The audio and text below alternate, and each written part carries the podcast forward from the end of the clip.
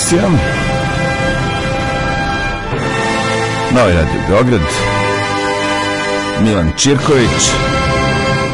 I Milutin koji ove nedelje menja Mariju još, mislim, ove nedelje, koja je na putu.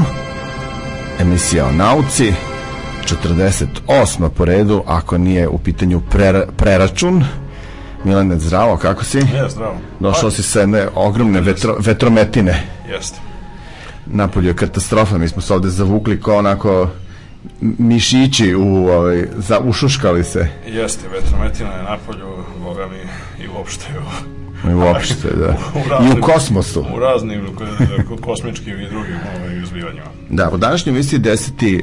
uh, februar 2010. godine uh, nastavljamo sa prošlonedeljnom temom, a to je rađenje smrt zvezda, drugi deo, ali pre toga kao i obično ekskluzivne vesti koje nam ti prirediš i koje onda ja posle prepričavam i konačno ovi ljudi što inače u Srbiji pričaju šta je bilo u utisku nedelje. Ja moram ti kažem da, da ja ogromnu količinu vremena uh, u- pro, pro, između naših emisija kad ljudima pričam ja kažem zamisli šta mi Milan rekao bre u ovoj prošli su i tako. hvala, to je ovako, lepo je to čuti. Da. Eto, ali mislim da si vrlo ovaj, usamljen u tome. Mislim da sam, da, da sam u malom, dru, malom društvu. Mislim da si u malom društvu.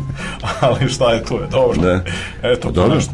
Dobro, mislim da ima jedna vest koja nije toliko, mislim da je vest iz nauke, a ima veze s naukom u nekoliko, ali o njoj malo kasnije. Za sam početak, evo, nekih stvari koje su zaista relativno nove. Jedna od jutros, negde u nekim ranim, veoma ranim jutarnjim satima po našem vremenu, to će to je bilo negde oko 6 i 15 ovaj ujutro, ako se ne varam, je uh, Space Shuttle Endeavour se uh, spojio sa, stigao na međunarodnu svemirsku stanicu i doneo tamo dve, poslednje dve velike komponente, hajde tako da kažemo, uh, za izgradnju međunarodne svemirske stanice. Kao što rekao smo, ona se gradi već jako dugo, evo već ulazimo u 12. godinu izgradnje od 1998. I u suštini ona je modularnog karaktera, to jest jedino tako i mogla i, može da se gradi, to jest iz a, malih nezavisnih delova modula. A, te u ovom smislu reči izgleda i jedan a, taj bitni trenutak u njenoj izgradnji završen, pošto su e, ta poslednja dva modula, znači poslednji jedan taj e, hub za konektovanje i kupola. Kupola sa sedam velikih prozora koja omogućuje panoramski pogled iz same stanice, a, a ima i neke druge svrhe pragmatičnije, manje estetskog karaktera. Dnevna a, soba. će biti instalirana tokom narednih 9 dana. E, i za to će biti potrebno nekoliko, mislim, ili kako se to kaže, van brodskih aktivnosti. E, u ukupnom trajanju od nekoliko desetina sati. E, tako da sve u svemu sa tim je, ovi moduli su inače izveđeni u Italiji e, i naravno u skladu sa jeli, generalnim, generalnim projektom u saradnji na CS i, i još nekoliko zemalja koje učestvuju u izgradnji međunarodne svemirske stanice. E, nakon ovoga mislim da će se dopremati samo znači rezervni delovi potrošni resursi i naučni uređaji za eksperimente. E, planirano je znači da se tokom ove godine, kao što smo o čemu smo već govorili u Radio Galaksijama, Space Shuttle i definitivno penzioniše. Pre toga će biti još četiri leta do međunarodne svemirske stanice za dopremanje tih raznih potrošnih dobara. A, a kako stoje stvari, mi se zove, znači, bit će, znači, naredni, na, sva naredna lansiranja i dopremanja će biti obavljena, mislim, se bilo ovaj, ruskom raketom Energija ili ovaj, evropskom Arianom, tako da tako da je Američka ovaj, automobilska industrija propada i dalje. tako da je ovaj taj mislim zove pa eksperiment sa Space Shuttle mislim zove kako stoje stvari e, nesrećno ispao i bliže se kraju, ali to u suštini ne bi trebalo da predstavlja veliki diskontinuitet u radu međunarodne svemirske stanice. Tako da se to radi, a sad šta će biti dalje i detaljnije, o tome opet u narednim nastavcima. Koliko oni sad imaju gore soba, ili kako bi rekli, kubnih metara, ili kako bi se to moglo nekako označiti? Ta, Pa, ta stanica, mislim, red veličina koji je samo. celokupna, mislim zove, znači, e sad od zapremine, dakle, ok, zapremina, mislim zove, je najvećim delom zauzeta, mislim, zove raznim dakle, Uređaj, raznim, raznim stvarima, pre svega sistemima za održavanje života i tako dalje, a ona, ona aktivna zapremina za, znači, za, za korišćenje od, od strane kosmonauta je verovatno nekih, ne znam, oko par hiljada kubnih metara, ne mnogo više od toga, ali ovaj, u suštini i ona se stalno menja, mislim, zove zavisnosti toga kakav se kako, kakva se konfiguracija napravi. Ona je u principu namenjena je da njena stalna posada ima šest članova. Pa sad, uh -huh. ovaj, e, Six bedroom. Dakle, evo, nas Insight daje, mislim, zove da je e, životni prostor oko 373 kubna metra. Uh -huh. Dakle, ovaj, što je u principu jako malo. A, a ovaj, sad, koliko je to, mislim, zove površine, to nije sasvim jasno. Pa to bi, na primjer, ono prevedeno što... na Novi Beograd bilo, na primjer, 150 kvadratnih metara pa prostora, recimo, na primjer, da kažemo, tako, da. nekog novobeogradskog pa, da stana. kažemo, mislim, zove, da. Da. Za šest ljudi. Dobro, da, da. Gužvanjac. Pa onako. Studentski dom, pa, mo, moglo bi se standard. moglo bi se reći. Tako da, tako da je to. E sad, naravno, mislim, zove, oni, mislim, astronauti su jeli, obučeni za operisanje i funkcionisanje u takvim uslovima.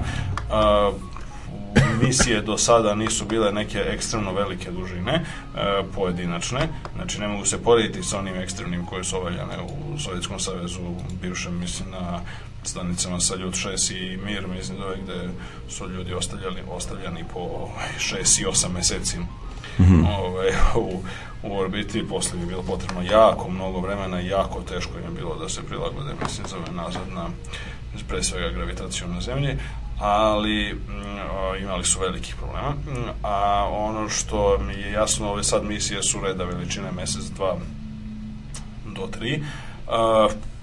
Mada se napredak u svemirskoj medicini koja je poseban ovako jedna stvar koja se dosta razvija poslednjih godina i ima čitav niz, mislim, za onako relativno novih i revolucionarnih stvari učini da zapravo sve više i više razumemo u čemu su osnovni problemi i postaje sve lakše i lakše, mislim, zove sa protokom vremena danas je daleko lakše nego što boraviti duže vreme u, bilo u svemirskoj stanici, bilo u nekoj aktivnoj u, u, u misiji nekog bilo kog broda sa ljudskom posadom, tako da E, tako da je ovaj, u tom kontekstu mislim da je danas to lakše i naravno očekujemo da će za buduće letove kao što su predviđene misije na Mars i mislim zove ponovna misija na mesec tako dalje, mislim bit će daleko lakše izvesti te dugotrajne dugotrajne misije sa čisto ljudskog i medicinskog stanovišta.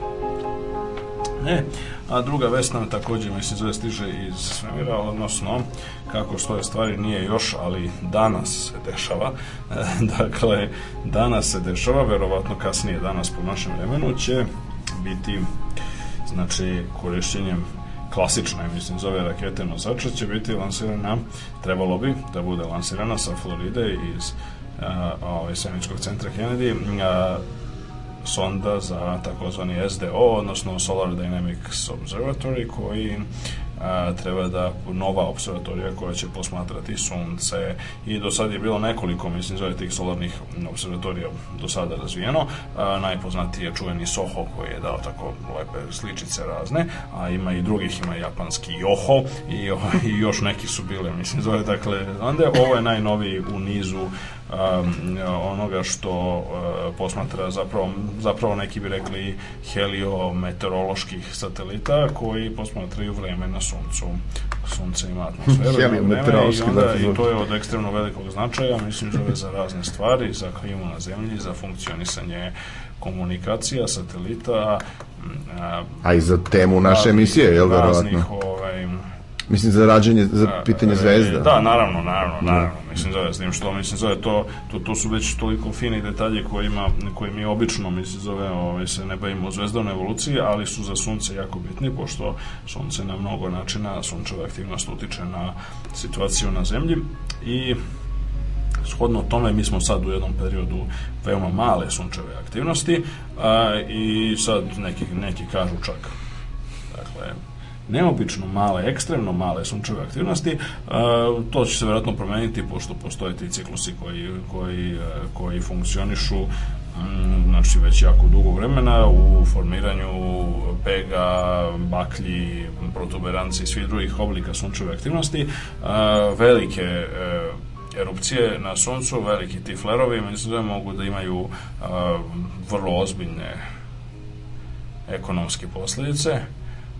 Pre svega, mislim, zove na taj način što čine problematičnim komun, satelitske komunikacije i mogu da ozbiljno oštete, mislim, zove satelite, pošto svi znamo da sateliti su u orbiti oko Zemlje, posebno ovi komunikacioni geostacionarni sateliti i ovi geodezijski navigacioni sateliti su veoma skupa roba. A, ta veoma skupa roba bi trebalo da se maksimalno efikasno koristi, a ne da bude oštećena, jer u velike erupcije na suncu mogu da oštete satelite i to materijalna šteta, mislim, zove se meri milijardama i desetinama milijardi dolara. Tako da u tom kontekstu je predviđanje vremena na suncu i a, promena oluja, aktivnosti, eksplozije i slično, mislim da na suncu od vrlo velikog praktičnog ekonomskog značaja. Da ne govorimo o manje pouzdano utvrđenim stvarima kao što su uticaj solarne aktivnosti recimo na poljoprivredu koja je oko čemu se dosta spekuliše još uvijek nema nikakvih ono, pouzdanih pouzdanih teorija o tome i naravno uticaj solarne aktivnosti, još nešto još spekulativnije uticaj solarne aktivnosti na ljudsko zdravlje koji takođe možemo pretpostaviti da tu nečeg ima, ali to je još uvijek na nivou spekulacije. Sve u svemu, ovaj novi nova observatorija SDO je, kako stoje stvari, će znači negde oko Pa moguće da u zapravo u ovim trenucima, pošto bi trebalo negde od 3 sata po graniču, znači oko 4 sata po ovaj, našem vremenu, da se da bude lansirana. Negde pred da, kraj naše. Da, pred kraj naše. Mislim, možemo da odbrojavamo. Jeste. E, ima tri glavna instrumenta, mislim, zove jedan je taj helioseizmički magnetski imager, koji znači, studira kretanje i promene magnetskih polja na suncu, on tako reći stvara jednu magnetnu sliku sunca, drugi je taj AIA, odnosno Atmospheric Imaging Assembly, koji ima ima četiri mala teleskopa koji snimaju sunčevu koronu, znači onaj najispoljniji deo solarne atmosfere i konačno takozvani EUV eksperiment koji e, Extreme Ultraviolet Variability koji meri promene sunčeve energije u ultraljubičastom talasnim dužinama. Ultraljubičasto je značajno zato što se ne vidi sa površine zemlje, zato zato nam treba satelit i najveći deo ultravioletnog zračenja ne dopire do jedan mali deo dopire, pa izaziva to da ljudi pocrne na moru i uopšte u tropskim krajevima, ali najveći deo ne dopire do zemlje, nego bio ostavljen u atmosferi i da bismo adekvatno ocenili e, znači sunčev fluks ultraljubičastih zraka, nama je potreban satelit po mogućstvu dosta, na nekoj dosta povoljnoj orbiti. Tako da ovaj SDO će da nam pruži, nadamo se, ako se bude kako treba, mislim zove jedan onako nastavak tog monitoringa sunca koji sve više i više postaje ozbiljna, kao što rekoh, i ekonomska privredna aktivnost. Uh, sad u vezi sa sunce, kao što rekao smo, utiče na klimu, a klima se menja i sad klima se menja iz mnogo faktora, a kako nam saopštavaju iz dalekog Winnipega u kanadskoj saveznoj državi Manitobi, mm, dakle najnoviji istraživački projekat koji je sa, na univerzitetu Manitobi pod rukovodstvom profesora Davida Bar Barbera je, a tamo je kao što možemo i da očekujemo i kad pogledamo na mapu da vidimo gde je Manitoba, znači tamo se nalaze neki od najvećih svetskih eksperata za Arktik. I situacija na Arktiku, odnosno u severnim polarnim regionima naše planete je e, dramatičnija nego što se očekivalo. Znači, ovaj veliki projekat koji okuplja 370 naučnika, pre svega iz oblasti geonauka iz 27 različitih zemalja, otpočeo juna 2007.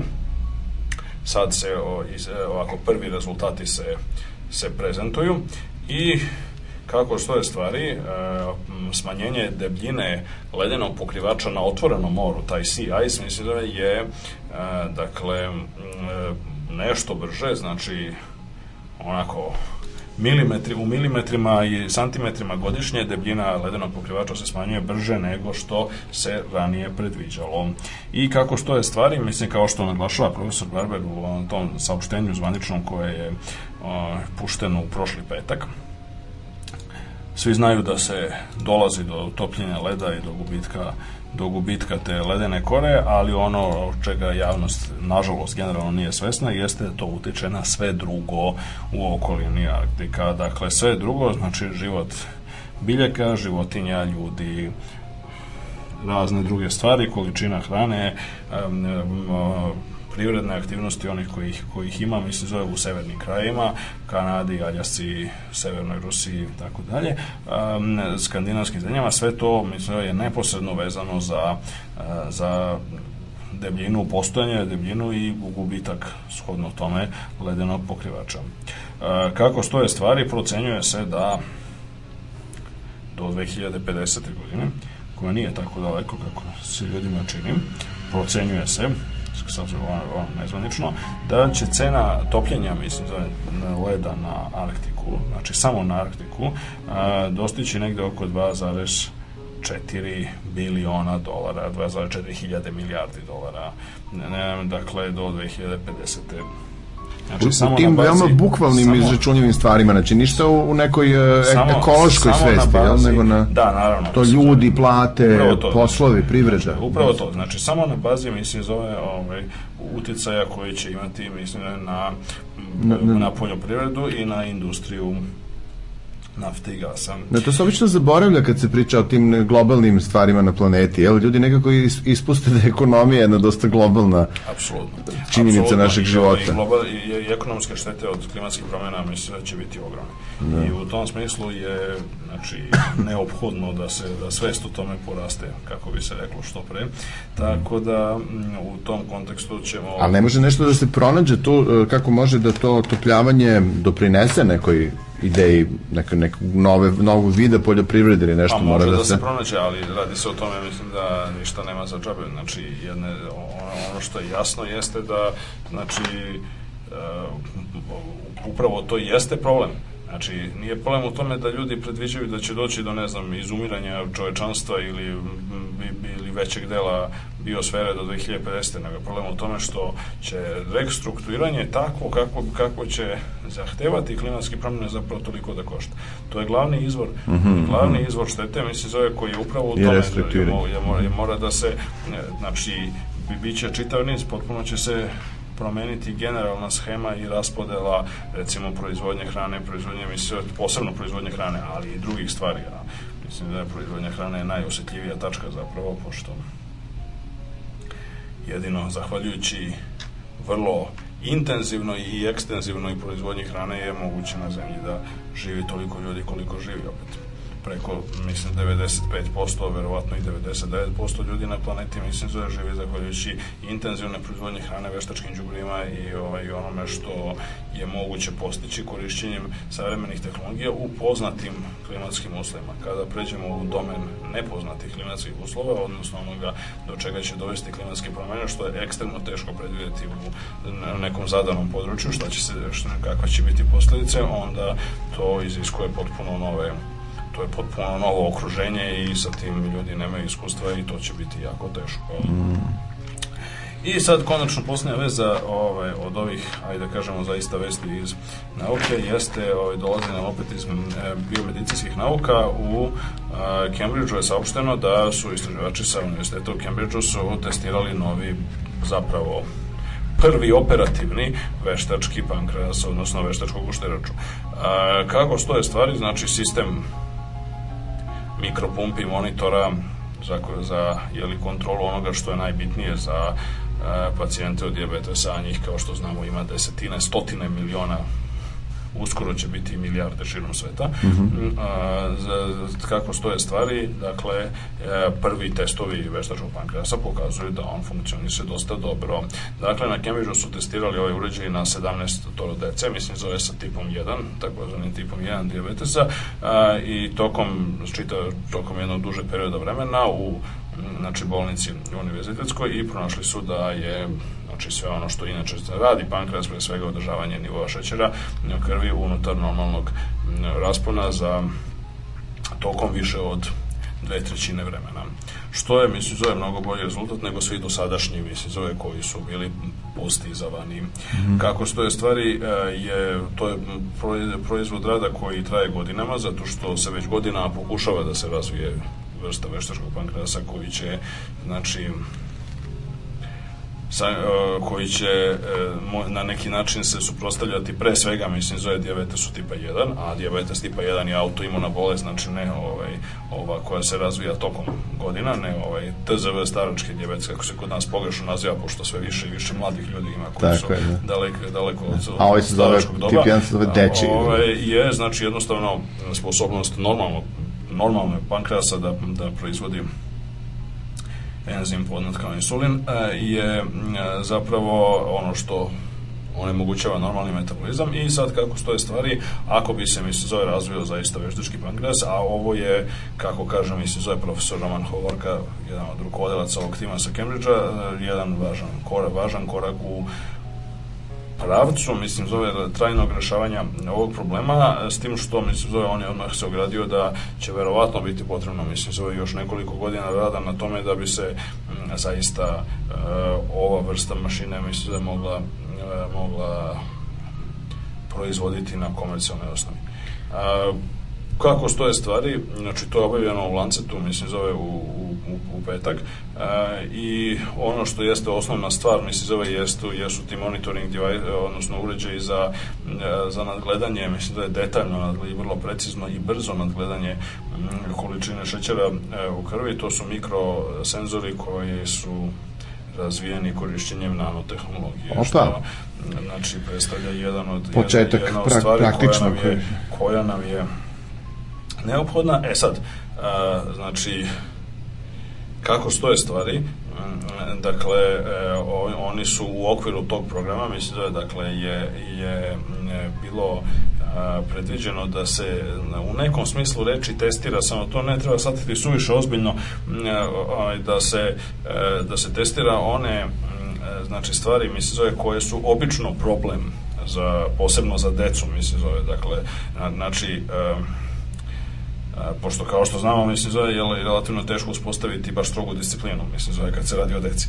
Da. Ovaj, poenta jeste da, znači, veći fizički napori, fizičke vežbe, bavljanje sportom, teži da znači utiče negativno kod pacijenata sa dijabetesom tipa 1, znači ono pogoršava njihovo stanje, pove, povećava u negativnom smislu nivo šećera, a ovaj, takođe i jeli kad se neko prejede posebno uveče.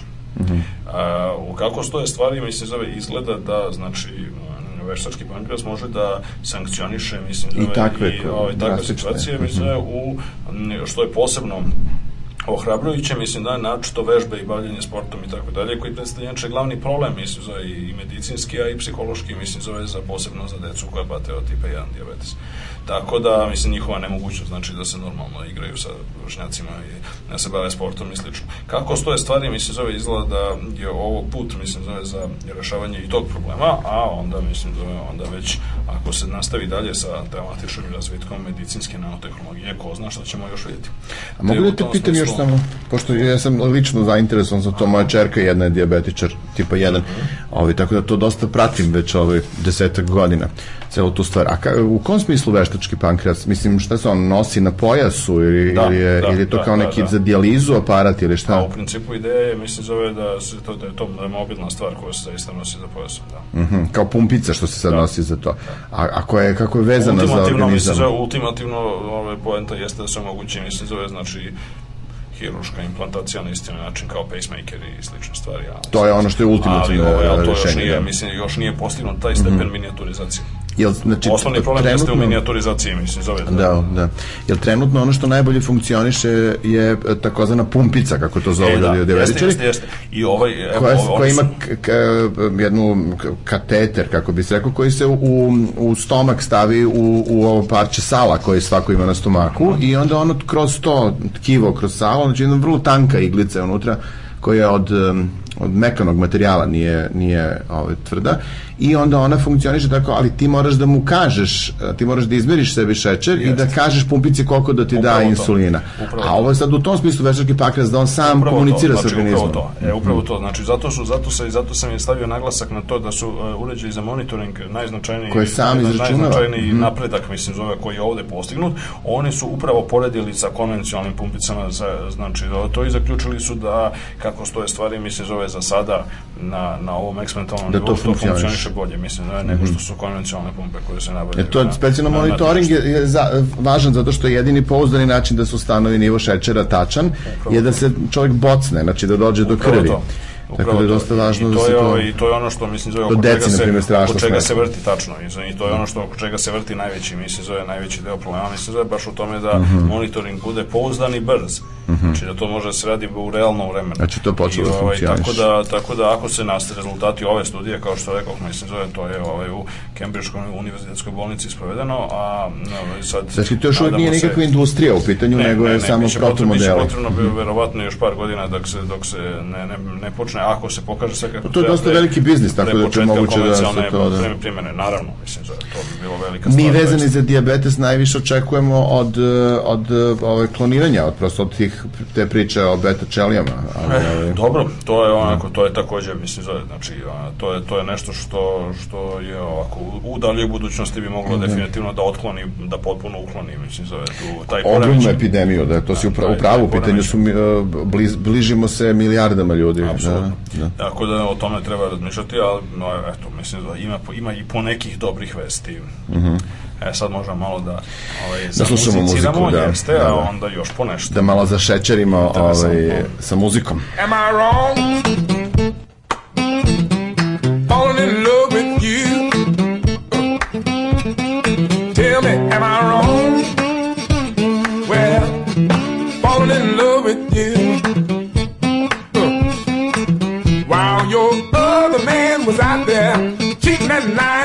All over you.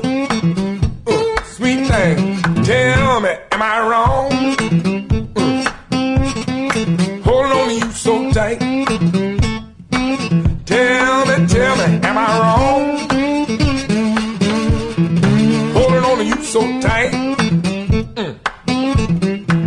If your other man come to claim you, he better be ready, ready for a long, hard fight.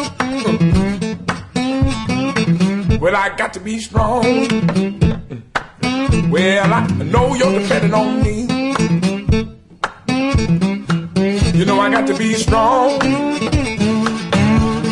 I know you're depending on me to give you all of my attention, all of my time, and all of the love you need. Oh, tell me, am I wrong?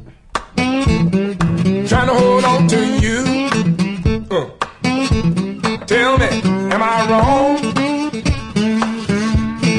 trying to hold on to you. I just want to make a home for you, baby, and all of your children too. Tell me, am I wrong? Falling in love with you. You got to tell me, am I wrong?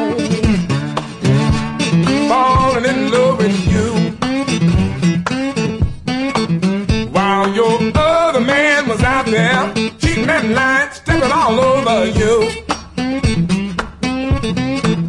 While your other man was out there cheating and lying, stepping all over you.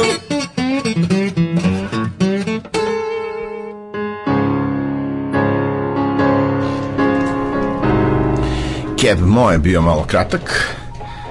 Am I wrong? Vraćamo se u Radio Galaksiju. Eto. E, sad Emisiju- malo, mislim, zove, sad malo vesti koje, nažalost, nisu ako zanimljive i prijatne. Dakle, dakle, e, nemoj da ljudi steknu pogrešan utisak da tako nauka sastavljena tako nekih zanimljivih vesti. Otkrića koje popravljaju, da. stvari Da. i tako dalje. Mm, Imamo primjer dešavanja koja su u toku, mislim, zove samo, kažem, da damo jedan krajnje aktuelni mm, naglasak malo na sadržinu Radio Galaksija, a to je da da se u Srbiji i srpskoj nauci svašta kuva, a kako stoje stvari, mislim zove kuvaju se novi problemi ovi vezani za Pomenuo si Srbiju. već legendarnu, već legendarnu strategiju naučnog i tehnološkog razvoja. I sad, ne znam, tu izgleda ovako nema nema nekih zvaničnih novosti osim činjenice da je završena, završen je zvaničan period javne rasprave o tom dokumentu koji svako može da, da pročita. Mislim da je na sajtu ministarstva onako ja sam imao a, ono, zilion kritičkih si pisao na, na taj, ovaj, na taj tekst. Međutim, kad malo bolje čovjek ra- razmišlja, ovaj, uvek ima i gore.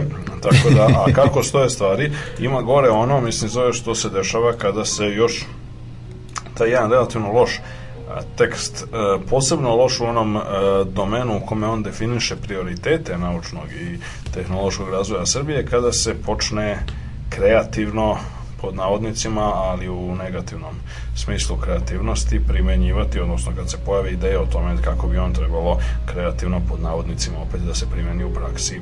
I kako stoje stvari, upravo te ideje koje su obuzele, hajde nemam bolju reč, mislim, zove našeg ministra za nauku i njegovu najbližu okolinu, mislim, zove su izvor novih problema, zato što sad kako stoje stvari, autori strategije, to je Nacionalni savjet za nauku, izgleda da su se žestoko uzbudili i uzbunili kada su videli da a, gospodin ministar njihove ideje svata suviše ozbiljno ili pak suviše doslovno ili već na neki način koji je apsolutno bez obzira što da li su oni sami u, u startu ok, ali ovo mi se zove preti da nanese još veću štetu. Inače, jako aha, hajde da kažemo, krhkom i delikatnom stanju u kome se srpska nauka nalazi. E, u čemu je glavni problem? Pa glavni problem jeste u tome što e, prioriteti onakvi kakvi su definisani, mislim da strategiji, e, su jedan deo prioriteta je na mestu, to je nešto čega se niko neće sporiti, niko neće, naravno, niko normalno neće osporavati onaj deo koji se odnosi na, recimo, poljoprivredu, na razvoj informatike, informatičkog sektora, Pa mislim, pa ni u krajnjoj instanciji mislim zove one delove koji se odnose na, na medicinu, biomedicinu i na primjenu novih tehnologija u biomedicini. Međutim, pored toga, tu se nalaze stvari koje su u najmanju roku nebulozne za zemlju veličine i malih mogućnosti i kapaciteta kao što je Srbija. Tu su među prioritete stavljene takve stvari kao što su već pomenuta nanotehnologija, što bi bilo jako lepo samo kada bi bilo ikakvih pre svega ljudskih resursa i kapaciteta da se ozbiljno radi na razvijetku nanotehnologije kao prioriteta. Ne kažem daleko bilo da to ne treba raditi, čak naprotiv, ali ne može biti prioritet nešto oko čega realnu predstavu, ozbiljnu predstavu ima možda recimo 15 ljudi u Srbiji ili tako nešto. Znači to ne može biti prioritet. Znači ne može nešto što je u toj meri još uvek malo, nepoznato, ezoterično, čak i u akademskim sredinama biti prioritet. I naravno, verovatno najbizarniji od svih prioriteta to je borba protiv klimatskih promjena. Dakle, ako ako Srbija i srpska nauka i tehnologija ne budu rešile problem klimatskih promjena, ja mislim da je planeti definitivno nema spasa. Dakle, staviti borbu protiv klimatskih promjena koja je kontroverzna, mislim zove, odnosno u tom nekom smislu sa više aspekata. Prvo, mislim zove, da li je to uopšte u domenu Ministarstva nauke. To je, mislim, jedna stvar. Čemu služi Ministarstvo ekologije, uzr budi rečeno kad smo kod toga. Čemu služe druga, pre svega deo Ministarstva ekonomije, velikim delom. Ne, ne, dakle, čemu služe, mislim, zove infra, Ministarstvo za infrastrukturu i saobraćaj, koje takođe, mislim, zove tako relevantnije za probleme vezane za klimatske i naravno možda najrelevantnije od svih Ministarstva spolnih poslova. Dakle, tamo se treba obratiti, mislim, zove na temu, ovaj, na temu borbe protiv klimatskih promjena, pre svega. A druga stvar, mislim, zove, znači, opet, precenjivati, to, je, to sve ide u, u, u izgled onoga što mi kao standardno precenjujemo naš značaj i mogućnosti i ostalo. Zato što borba protiv klimatskih promjena, mislim, zove, ona je relevantna kod zemalja koje i po industrijskim kapacitetima i po drugim stvarima, recimo, imaju veliku emisiju gasova Emisija, mislim, Srbije je na sreću ili nažalost, sad kako kod to ko protumačio, mislim, zove ekstremno mala. Ona nije nemerljiva, kao recimo u Crnoj Gori, gde je nemerljiva, zato što je ispod praga, mislim, zove detektabilnost. ali, ovaj, ali je, merljiva je, ali jednostavno, mislim, zove to suviše malo da bi imalo ikakav realni efekt. Mi sad da prestanemo emisiju 100%, mislim, zove što je naravno nemoguće, ali ne opet, da. mislim, zove to ne bi zaista imalo nikakav efekt, mislim, zove. Sem po nas, što bi imalo. Osim po nas.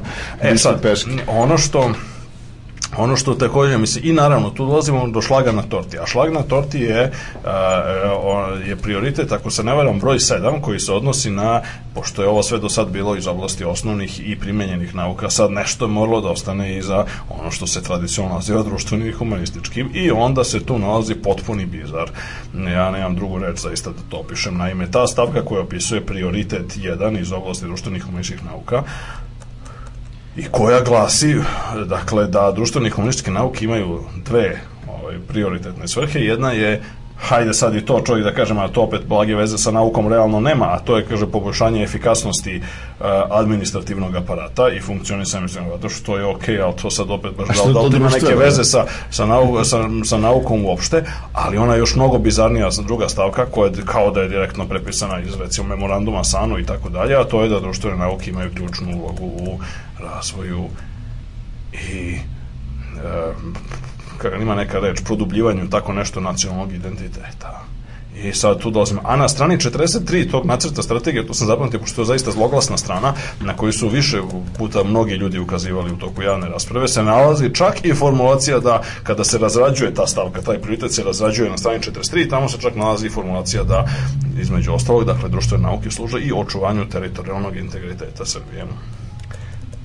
Dakle, kao što je jedan od komentatora koji se prijavio na, koji je u toj javnoj diskusiji, čovjek vrlo ugledan, neću sad da ga iz Novog Sada, tako da kažemo, ne, sad da ga, da ga tu, što bi rekli, ofirama, ali on je lepo rekao, vi ste, kaže, ovime, ovime je priznato nešto na papiru, prvi put što smo mi nažalost znali ranije, a to je da e, vi sagledavate sa vašeg stanovišta društvene nauke ne služe sa kupljenju znanja, nego političkoj manipulaciji sad ono, zaključak je otprilike, mislim, zove, dobro je, mi smo to znali već i ranije, ali, kako zove, ali lepo je sad da to postoji da, na papiru. Mislim. I tu da, tako da, jedan, da. To sad postoji zvanično. Te u tom smislu, to je, mislim, zove, to kako stoje sad, e sad, da je to samo jedan od dokumenta među mnogim koji kod nas je ono mrtvo slovo na papiru, pa sad hajde da je. Mislim da se odmah, da, da, da, da odmah napomenemo da ne bude naš slušalci u zavodi, ima, ima jako dobrih stvari u toj strategiji, samo što su one koje su dobre, nažalost, potpuno toliko skrenute i daleko su od toga da se mogu implementirati u ovakvoj konstelaciji snaga. Recimo jedna od stvari koje smo već pomenuli, ali uvek vredi ponovo pomenuti, jeste potreba poreske reforme koja će omogućiti da se postigne ono što nominalno i verbalno ministar i njegovi saradnici stalno naglašavaju da oni hoće veće investiranje privrede, industrije, privatnog sektora, biznisa, mislim zove u nauku. Ok, kako se to postiže u svetu? Pa ne postiže se konferencijama za štampu i mislim zove tim pričama i verbalnim pozivanjem, nego se postiže tome što onome ko realno uloži nešto se lepo skine 10 puta toliko ili tako nešto sa poreske osnovice. E sad, zašto se to ne implementira u praksi? I, i tako su nastale institucije velike u svetu. Da li neko zaista misli da se Rockefeller bavi, bavio borbom protiv raka ili istraživanjem ono, malignih ćelija? A Rockefellerov institut za rak to je od najvećih svetskih institucija za onkologiju. Jer neko misli da se čovjek po imenu Kek, mislim, zove posmatrao udaljene zvezde i galaksije, pa se zbog toga zove Keko observatorija. Ne, nego on je bio milijarder koji je se bavio bušotinama nafte u Teksasu i Oklahoma i jednostavno investirao u gradnju Kekovog teleskopa na Havajima, koji je još uvijek najveći naj, najveći pojedinačni teleskopi na dva, ta 10 metarska teleskopa, on je uložio u to recimo ne znam, reda veličine pola milijarde dolara ili tako nešto. Ovaj, e, po tom, zove se po njemu, a ima zato značajne poreske olakšice. I tako je to u celom svetu. E sad, zašto se to ne preduzme kod nas, umesto što zašto bi ministar bio jako kompetentan s obzirom na, nje, na njegov background, mislim da to je sasvim nejasno. To se recimo predlaže u strategiji, na primjer, to piše.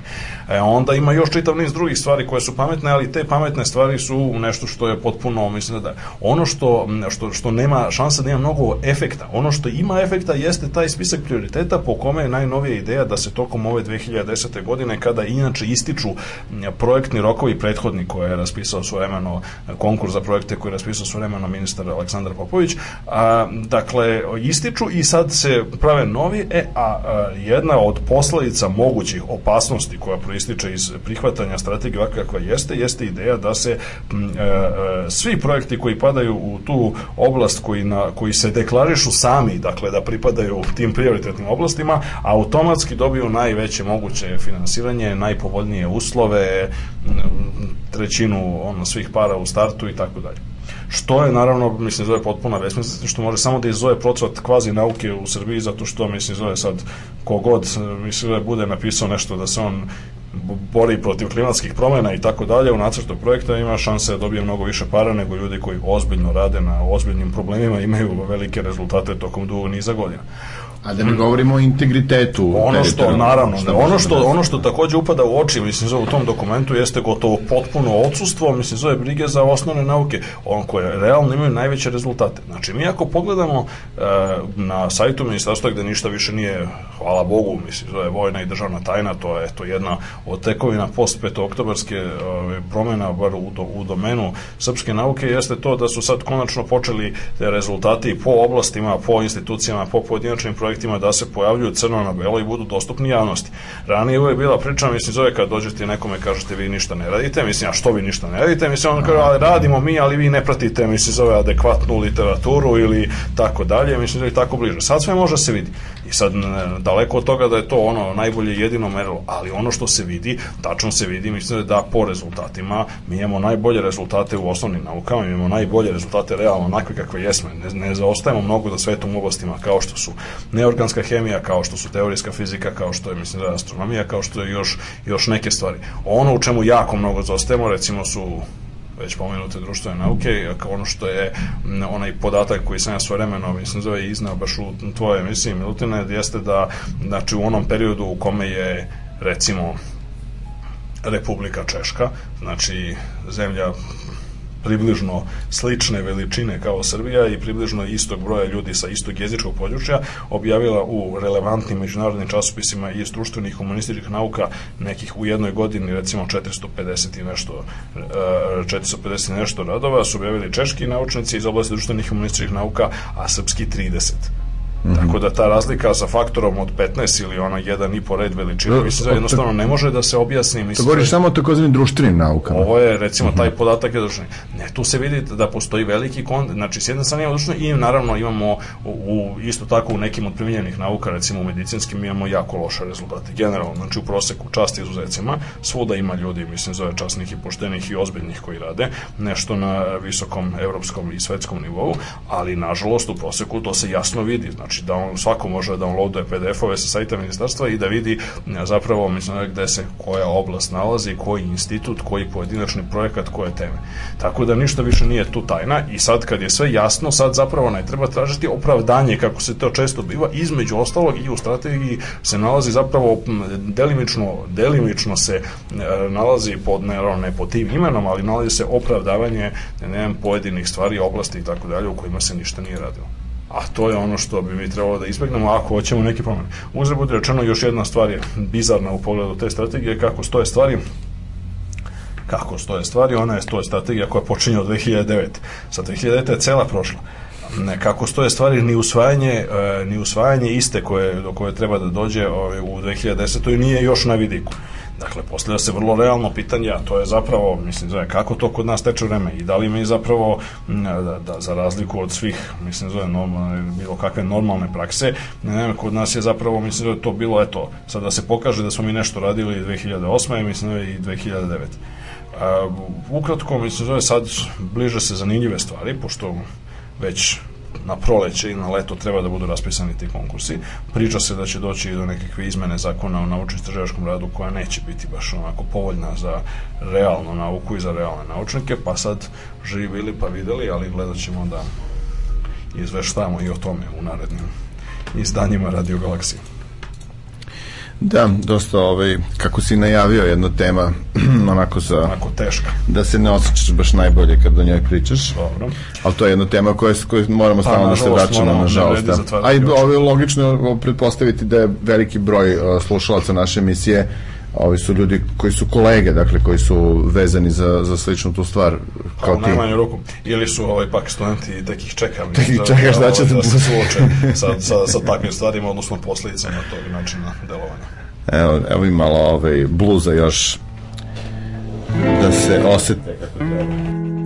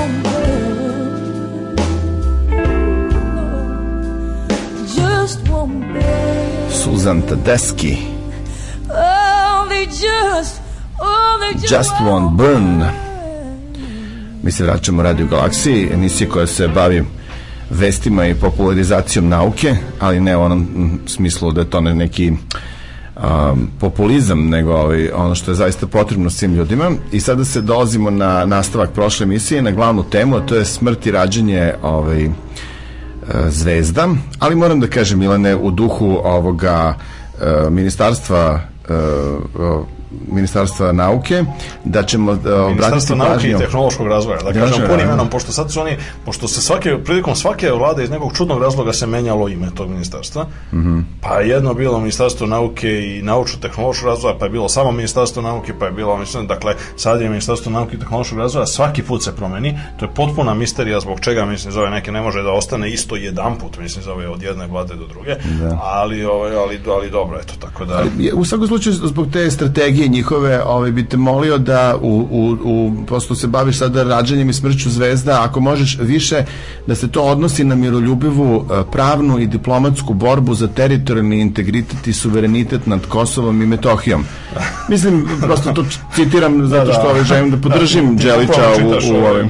Da ti bukvalno čitaš, mislim... Dakle, ta rečenica nećete verovati se nalazi na svakom- 43. strani s- strategije ovaj, Da, već pomenuti da ti dobro čitaš taj zakon dokument, ali dobro, ne moramo baš da pokvarimo ceo dan slušalcima da, sa, e, sa tim, možemo To i nešto lepše, a na kraju krajeva uvek ćemo, ajde da shvatimo Ima takođe dosta fotografija ove Božidara Đelića na, na sajtu o Da, to nauci. ima na sajtu. Sreću, nemaju samo njegove ima. Nemaju, e, kad, Nema kad se u nije budu pojavile fotografije, Da. onda znamo da zaista, Da. onda je to verovatno poslednji stadijum.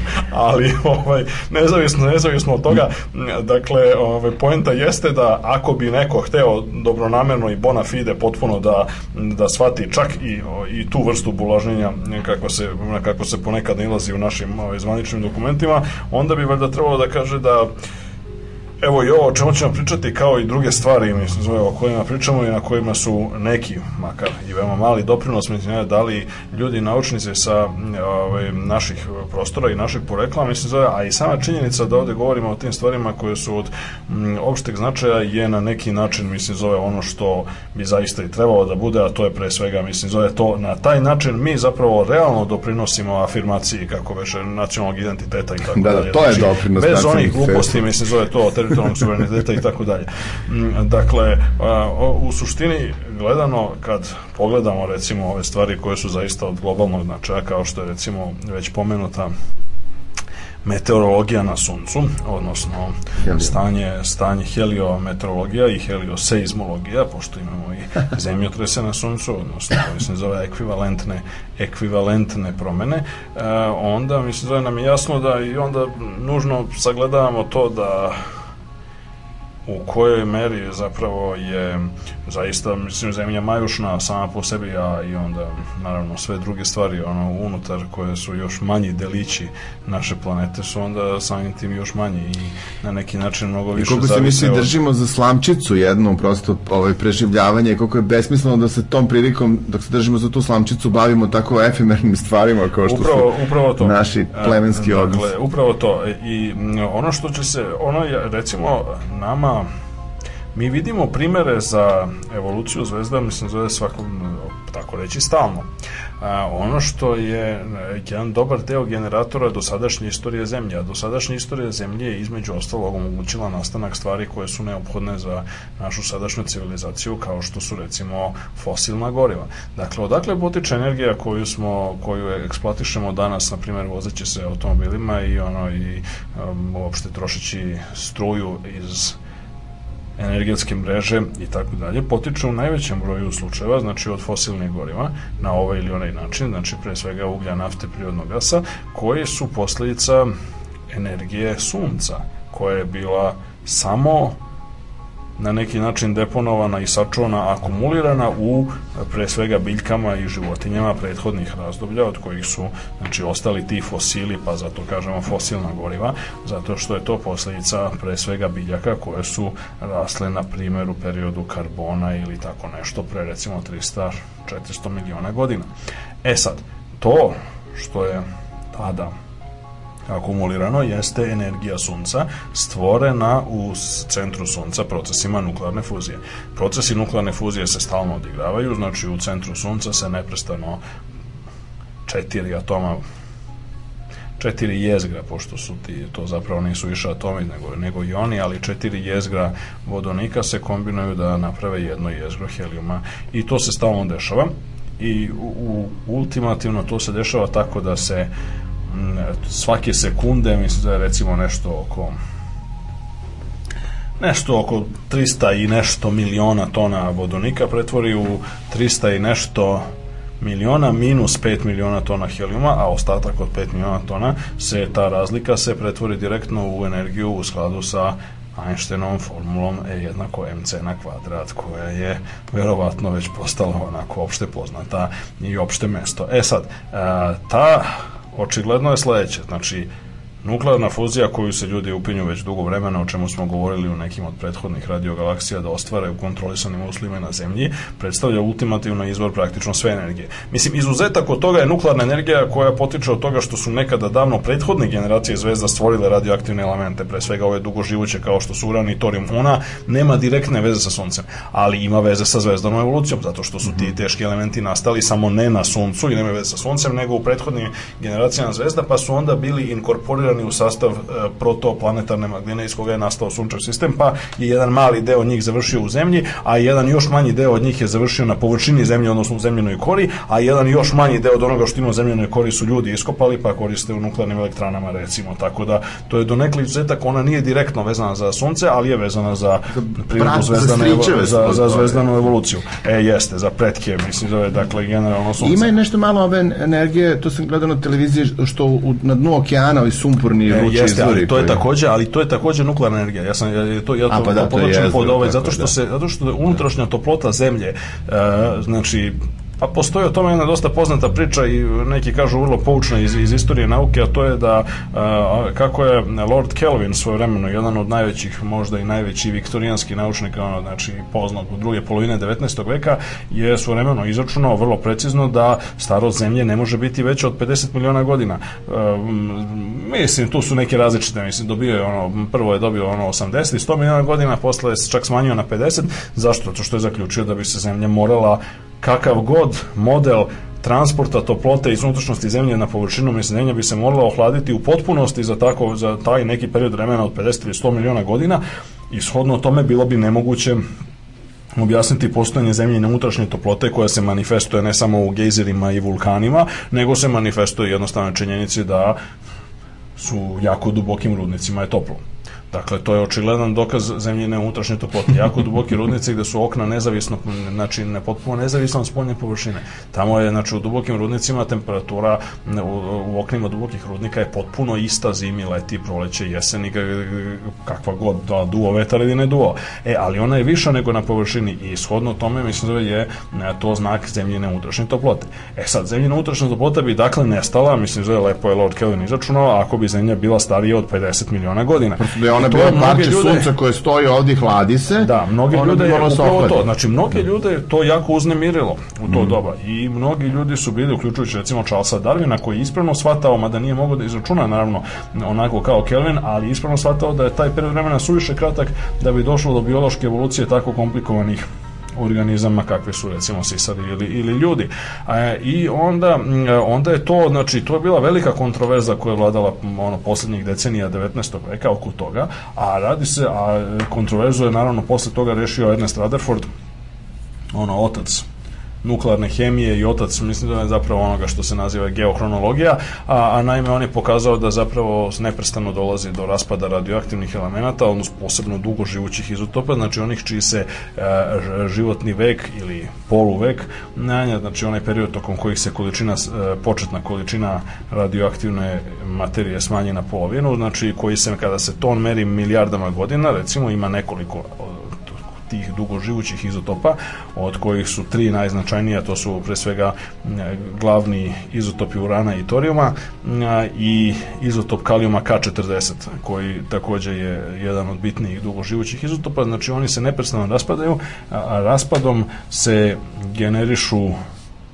razne radioaktivne čestice. Ako se taj raspad dolazi unutar stene ili na nekoj dubini u zemlji, onda se te radioaktivne čestice odmah apsorbuju u susednom materijalu. Kao posljedica apsorpcije povećava se, oni predaju svoju energiju u vidu toplote. Kao posljedica toga se okolni materijal zagreva i to je napravo nešto što održava zemljinu unutrašnju toplotu i održava e, znači sve ove procese o kojima smo govorili uključujući vulkane, zemljotrese, pomeranja kontinenta i slično. Znači održava čini to da je zemlja tektonski aktivno telo, geološki Znači, mi ne aktivno samo da smo na vrućem, nego smo i na, na neprestano, neprestano aktiviranoj nuklearnoj bombi. A, pa dobro, ali mislim da radi se o tome da mislim da ne može se, znači to ti Pa dobro, baš ra, ti radioaktivni raspad je radioaktivni raspad je tako spor, mislim zove taj. Znači te stene, ti izotopi se tako sporo raspadaju. Znači ako njihov period poluraspada milijardu godina, to znači mislim samo da znači postoji verovatnoća od 50% da se jedan svaki pojedinačni atom raspadne za milijardu godina čekanja. Znači to je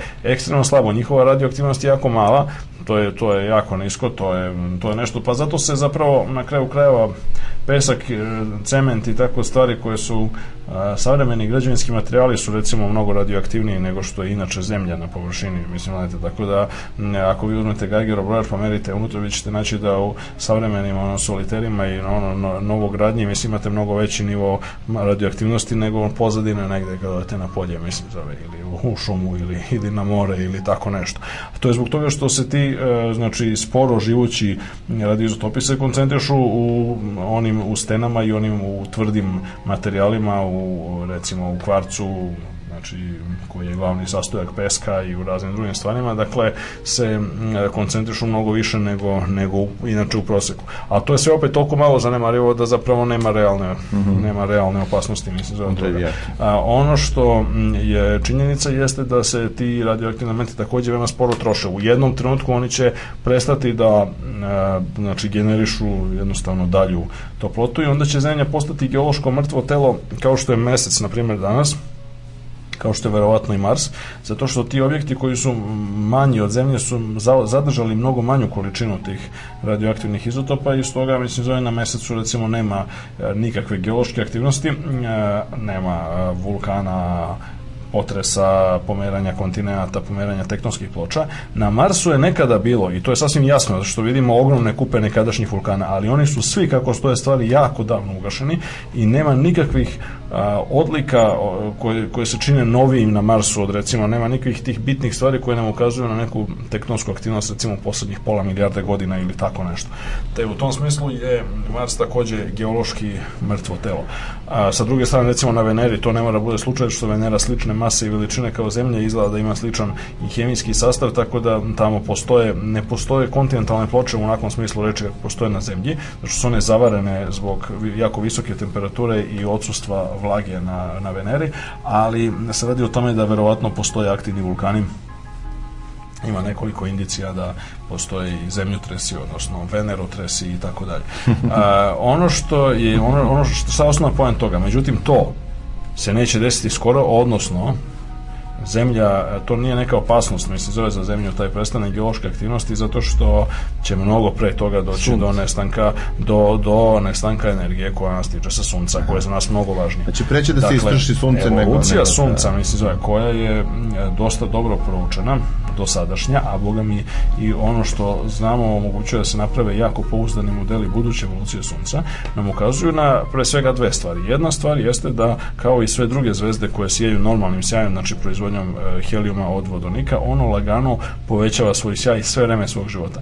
Znači to je jedna, jedan od, e, jedna od činjenica koja je elementarna stvar u e, teoriji zvezdane evolucije, a koja se iz nekih čudnih razloga obično ne pominje, mislim, zove čak ni u astronomskim udžbenicima, m, e, generalno, a to je da se, obično se kaže, eto, sjaj zvezda koje, sije, koje sijaju normalno, znači fuzijom vodonika u helijum, zašto postoji jedan tehnički izraz koji kaže koje se nalaze na glavnom nizu, a glavni niz, odnosno main sequence na engleskom je, m, e, znači, ta najduža i najznačajnija faza u životu svake zvezde u toku koje ona sija upravo to, pretvarajući četiri jezgra vodonika u jedno jezgro helijuma. Znači fuzijom vodonika u helijum. Sad taj, e, taj proces, to, to trajanje, to je onaj glavni život zvezde. Znači nastanak je, odnosno ono rađanje i tako dalje, to je ono pre nego što nuklearna fuzija otpočne.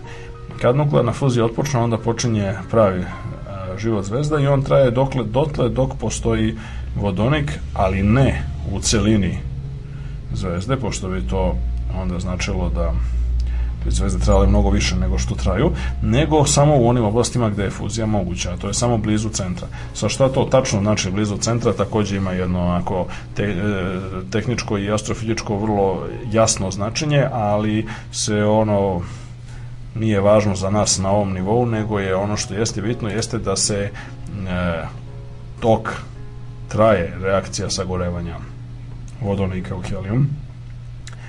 U centralnim oblastima zvezde se nagomilava helijum, Dakle, to je neki pepeo, možemo posmatrati po analogiji sa sagorevanjem uglja ili drveta u peći, znači nagomilava se pepeo, kao što svi znamo, pepeo mora da se čisti iz uglja i iz peći bez obzira kako nastao, dakle mora se čisti periodično, zato što ako ne čistimo pepeo, onda dođe do zagušenja i onda ne može dalje da sagoreva, misli zove ugalj ili drvo ili šta god već sagorevamo u peći. E, to je ono isto što se dešava u zvezdanoj evoluciji, samo što nema ko da očisti taj pepeo, nego se on jednostavno nagomilao u centralnim oblastima. Kao posljedica toga, e, povećava se pritisak u centru zvezde. Kao posljedica toga e, fuzija se sad ne odigrava više u samom centru, nego se odigrava u jednoj sfernoj ljusci koja se nalazi oko centra. U samom centru se nagomilava inertni helijum. U jednoj sfernoj ljusci se odigrava e, dalji procesi fuzije i, e, ta, i ta fuzija se generalno odigrava na sve većoj većoj temperaturi zato što pritisak raste i onda u skladu sa zakonima termodinamike mora da raste i temperatura i to je razlog zašto se sjaj sunca i bilo koje druge zvezde polako povećava.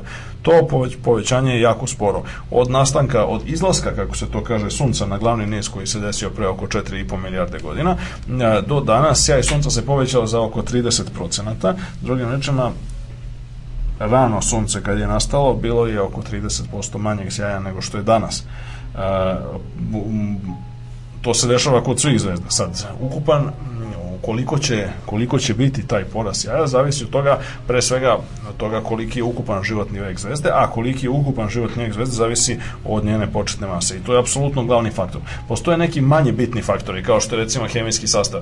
Na primjer, a hemijski sastav e, je jako malo varira sa stanovišta našeg svakodnevnog života, pošto ljudi mogu kažu, ok, vodonik i helium su i onako 99%, mislim, zove mase svake zvezde. Znači, to da li će biti uh, 1% ili pola posto, mislim, da nekih težih elemenata kao što su kiselnik, ugljenik, azot, neon i slični, to sad onako u prvoj aproksimaciji nije ni preterano bitno. E, međutim, ono što je činjenica jeste da je to jako bitno mislim, iz nekoliko, za nekoliko drugih e, razloga, to je da bez obzira što ima jako malo tih dodatnih elementa, oni imaju, oni igraju vrlo veliku ulogu u procesima kojima se reguliše prozračnost atmosfere bilo koje zvezde. Znači, ona, ona, znači koliko će krajnje pojednostavljeno govoreći koliko će energije koja dolazi iz unutrašnjosti zvezde moći da se izrači sa površine, e, pošto je prozračnost ili neprozračnost kako se zapravo se češće meri, zapravo realno u astrofizici se govori o neprozračnosti najčešće, ali to je što bi rekli jedan minus prozračnost. Dakle, e, dakle to od toga kakva će biti neprozračnost u dobrim delom zavisi od količine recimo stvari kao što su kiselnik i ugljenik u atmosferi a, i oni shodno tome, a e, od te neprozračnosti, dakle, zavisi koliko će realno, mislim, zove zvezda moći da slobodi energije. A, sistem u kome zvezda sija korišćenjem e, nuklearnog goriva, odnosno pretvaranjem vodonika u helijum kroz nuklearnu fuziju u centru i onda isijava sa površine, znači u centru je visoka temperatura, u centru sunca je recimo 15 miliona stepeni, na površini sunca je svega, opet pod navodnicima svega oko 6000, 5800 stepeni. Znači, e, e, sa površine sunca se emituje uglavnom vidljiva svetlost, žute boje, žuto-zelene boje, e, i neki infracrveni zraci i po nešto ultraljubičasto zračenje. Znači, ali maksimum oblasti vidljive svetlosti, znači negde žute boje.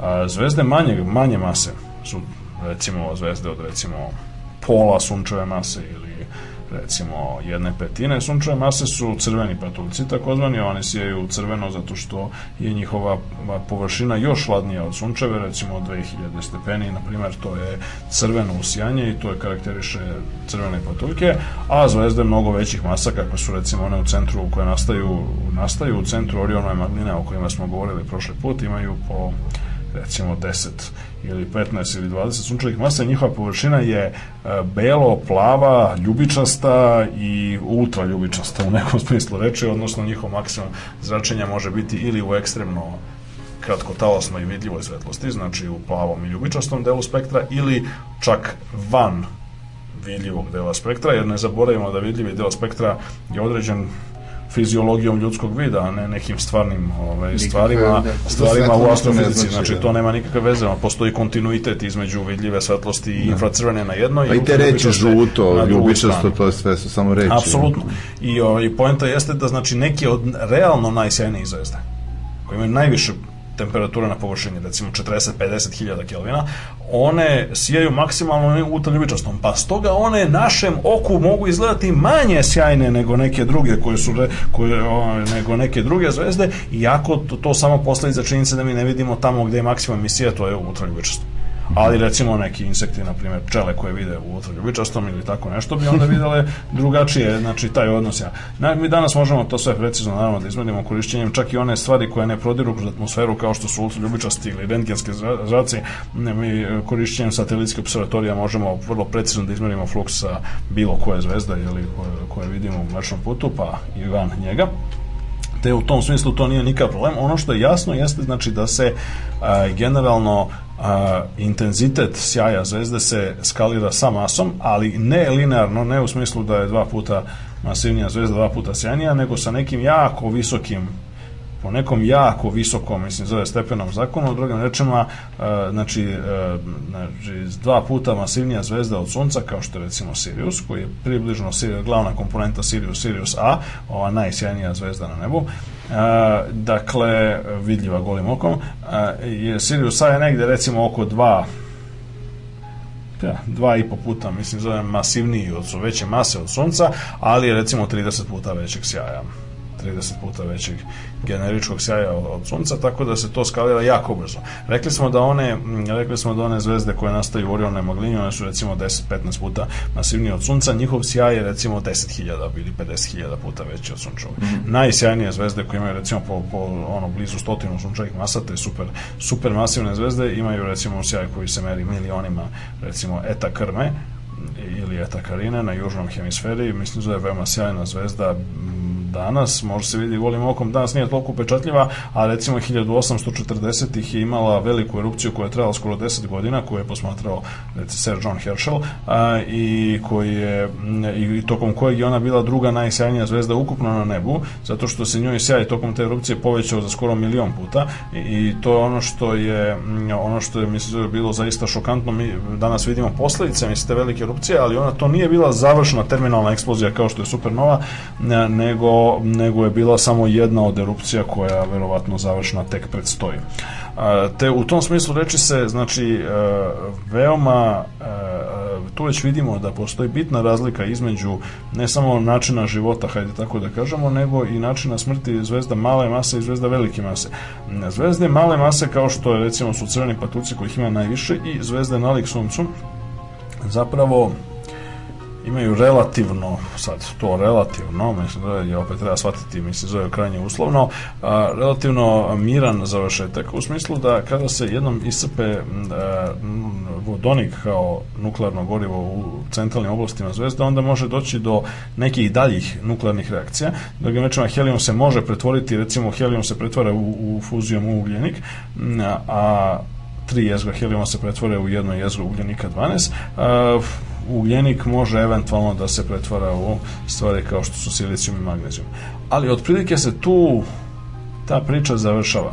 Drugim rečima, pošto su te reakcije sekundarnog karaktera, znači mi sad nama taj PPO misli koji je nastao tokom celog života zvezde služi kao gorivo za te stvari koje se dešavaju u poslednjim fazama zvezdane evolucije kada zvezda kako se to već kaže izađe sa glavnog niza znači izlazak sa glavnog niza predstavlja znači dokaz ono, starosti, mada ne mora da nastupi smrt ono, brzo, ali je relativno stvar je jako dobro definisana i određena šta će se dešavati tu e, se to poznajemo ekstremno dobro, mislim, zove šta će se i kako, tačno koja zvezda koje mase završava na koji način. U slučaju Sunca, ono što je jasno jeste da će doći do, znači, kada iscrp, kada se iscrpi vodonik za negde otprilike oko 4 4 do 5 milijardi godina. A, postoje i mnogo tačniji modeli danas, mislim zove ovi klasični, ali da kažemo recimo da postoji naj, najveća neodređenost recimo u da postoji neodređenost možda od recimo 10 ili 15%, mislim, zove u pogledu toga koliko će svaka faza trajati. A, kada se jednom iscrpi vodonik i prestane da se pretvara u helijum, onda počinje, nema više šta da održava, mislim, zove omotače sunca naspram gravitacijone plačine, oni počinju da kolapsiraju.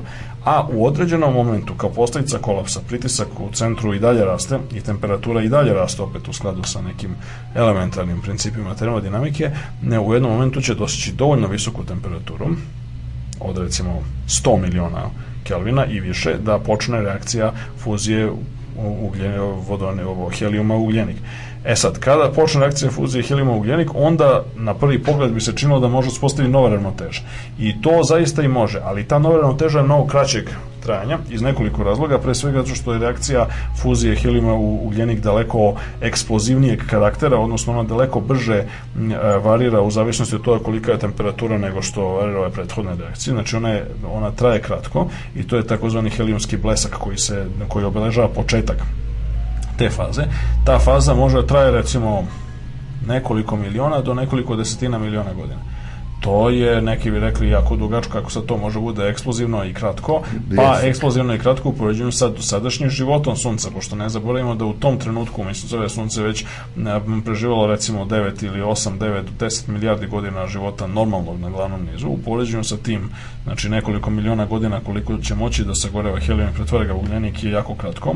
A, tokom tog perioda, međutim, sunčev sjaj će naglo da, da, da skoči. Znači, ne kako je rasto do sada postepeno, nego će naglo da poraste i kao posljedica nove ravnoteže, spoljni omotači će se dobiti dovoljno, će se dovoljno zagrati i dobit će dovoljno impulsa da se oni potpuno prestanu da budu vezani za sunce. Znači, sunčeva atmosfera će se proširiti strahovito mnogo u poređenju sa sadašnjim fazom i kao posljedica tog naglog širenja će se naglo i ohladiti. Tako da će doseći temperaturu od recimo 1000 i po do 2000 stepeni, a bit će jako velika. E, sunce takvom, takvoj fazi i sve druge zvezde, takvoj fazi se zove crveni džin. Dakle, crveni džin je e, ogromna naduvana zvezda. Mi imamo primjera takvih na noćnom nebu koliko hoćemo, da što su one vrlo upadljive, čak i kad se nalaze na velikim udaljenostima.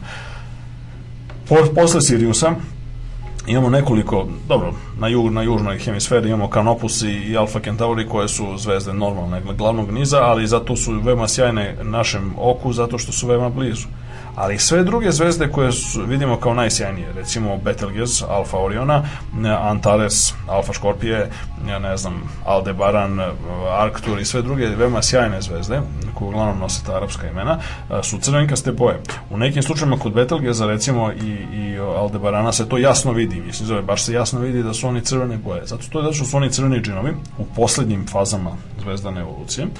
E, i kod Betelgeza je to recimo posebno dramatičan primjer zato što Alfa Oriona je od nas prilično udaljena znači ona je preko 500 svetlosnih godina udaljena, to je ogromna zvezda. Kada bismo nju stavili na centar sunca, Zemlja bi se nalazila duboko u unutrašnjosti, dakle, omotača crvenog džina, on bi se protizao negde do Saturna. Znači, otprilike Saturnova orbita. E sad, on nema fiksiranu Sad problem jeste u tome što nema tačno fiksiranu ivicu, zato što on stalno pulsira. Znači oni su, znači dovoljan je mali poremećaj, znači taj sistem e, spoljnih omotača koji su jako slabo vezani ili nevezani za zvezdu. Ako su nevezani, onda se oni još više prošire i formiraju objekte koji se nazivaju planetarnim magnetama, kako imamo prilike, kako je jedan od najspektakularnijih je recimo ovo Sauronovo oko koje imamo prilike da vidimo na našem sajtu. A ne Đelićevu sliku. To je, ovaj, ba, recimo, sad, sad, Aj sad, nemojmo ipak, mislim, zove Ne baš, ovaj, zaista, ne zaista, ovde, ovaj, bo- za, zadržimo neki nivo. Ne, ono, što, ono što je ključna stvar jeste da kada su omotači nepovezani, onda nastaje planetarna magnina. Kada su omotači povezani, onda nastaje crveni džin. Um, Crveni džin, kao što je Betelgeuse, menja svoj radijus i to ga menja dramatično, recimo, za par stotina miliona kilometara, a drugim rečima, kad je najveći, on se prostire do iza Saturnove putanje, bi se prostirao kada bi se njegov centar podudario sa centrom Sunca. To znači, mislim da bi Zemlja, Mars, Jupiter, asteroidi, sve drugo bilo duboko u unutrašnjosti omotača crvenog džina. E, Sunce neće postati toliko veliko. E sad, koliko će postati tačno veliko, to je mnogo interesantno, pošto će ono postati otprilike tačno toliko veliko koliko je Zemljina orbita sada udaljena od Sunca. Da li to znači da će zemlja biti fizički uništena, pošto ako se nešto ipak nađe u motaču crvenog džina, ono ne mora, mislim, ono će u svakom čovjeku biti, biti spaljeno po površini, ono, ne mora, ono neće biti odmah fizički uništeno, ali pošto motač crvenog džina ipak ima veliku gustinu, onda će ona izazvati veliko trenje, pa će e, spiralno se padati i dalje ka centru zvezde i na kraju biti uništeno, naravno, kad se dosegne dovoljno visoka temperatura. Ali, da li će zemlja biti uništena u tom trenutku fizički, to nije sasvim jasno, zato što će zemljena orbita verovatno da se pomeri malo ka napolje, umeđu vremenu.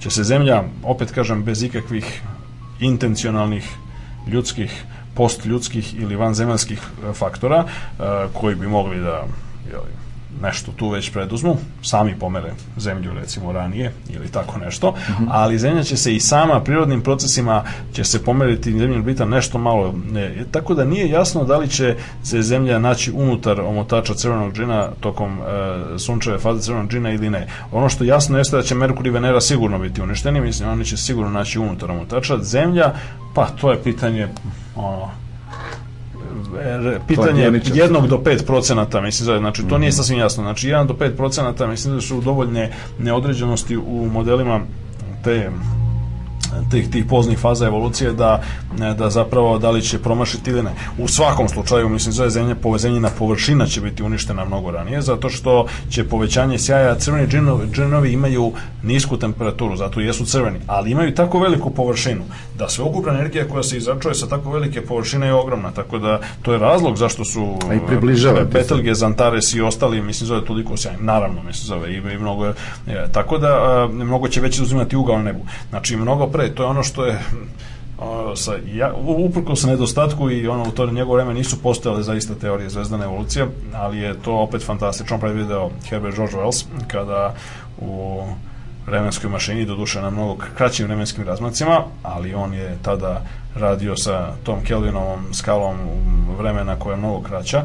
Znači, vremenski putnik u jednom momentu kada se on nesvesti, mislim, zove od nakon onog sukoba sa, kada uspe ponovo da se domogne svoje vremenske mašine, onda se on jednom momentu onesvesti, mislim, zove i glavom lupio kontrolnu tablu i onda se krene u budućnost jako daleko i onda se dođe k sebi tek kad se udaljio više desetina miliona godina u budućnost i onda vidi onu opustošenu zemlju sa jako redkom atmosferom i sa suncem koje je crveno, mnogo veće nego što je danas i visi nepromenjivo na istom mestu na horizontu. Mislim, za uopšte mu se ne menja položaj, zato što do tog momenta, i to je sasvim tačno, pošto, pošto postoji tendencija, znači, tela da, e, kao što mesec okreće stalno jednu istu stranu zemlji, tako i zemlja teži da okreće jednu istu stranu suncu, samo što se to ne dešava, nije desilo do sada, ali u budućnosti bi mogla zemlja da bude takođe plimski vezana, tako da pokreće, okreće jednu istu stranu, tako da sunce ima potpuno isti položaj sve vreme na nebu, mislim, zove i svih, i svake tačke odakle se gleda.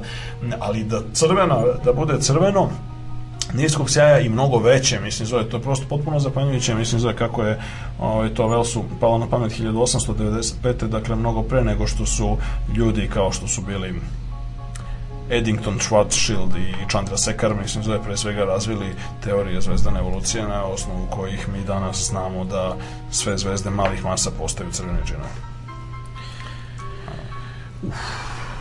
Ovaj sad ja sašta bi te pitao još, ali Pa, bi može, bolje, ali bolje da te, bolje da te ostavim da ti pričaš.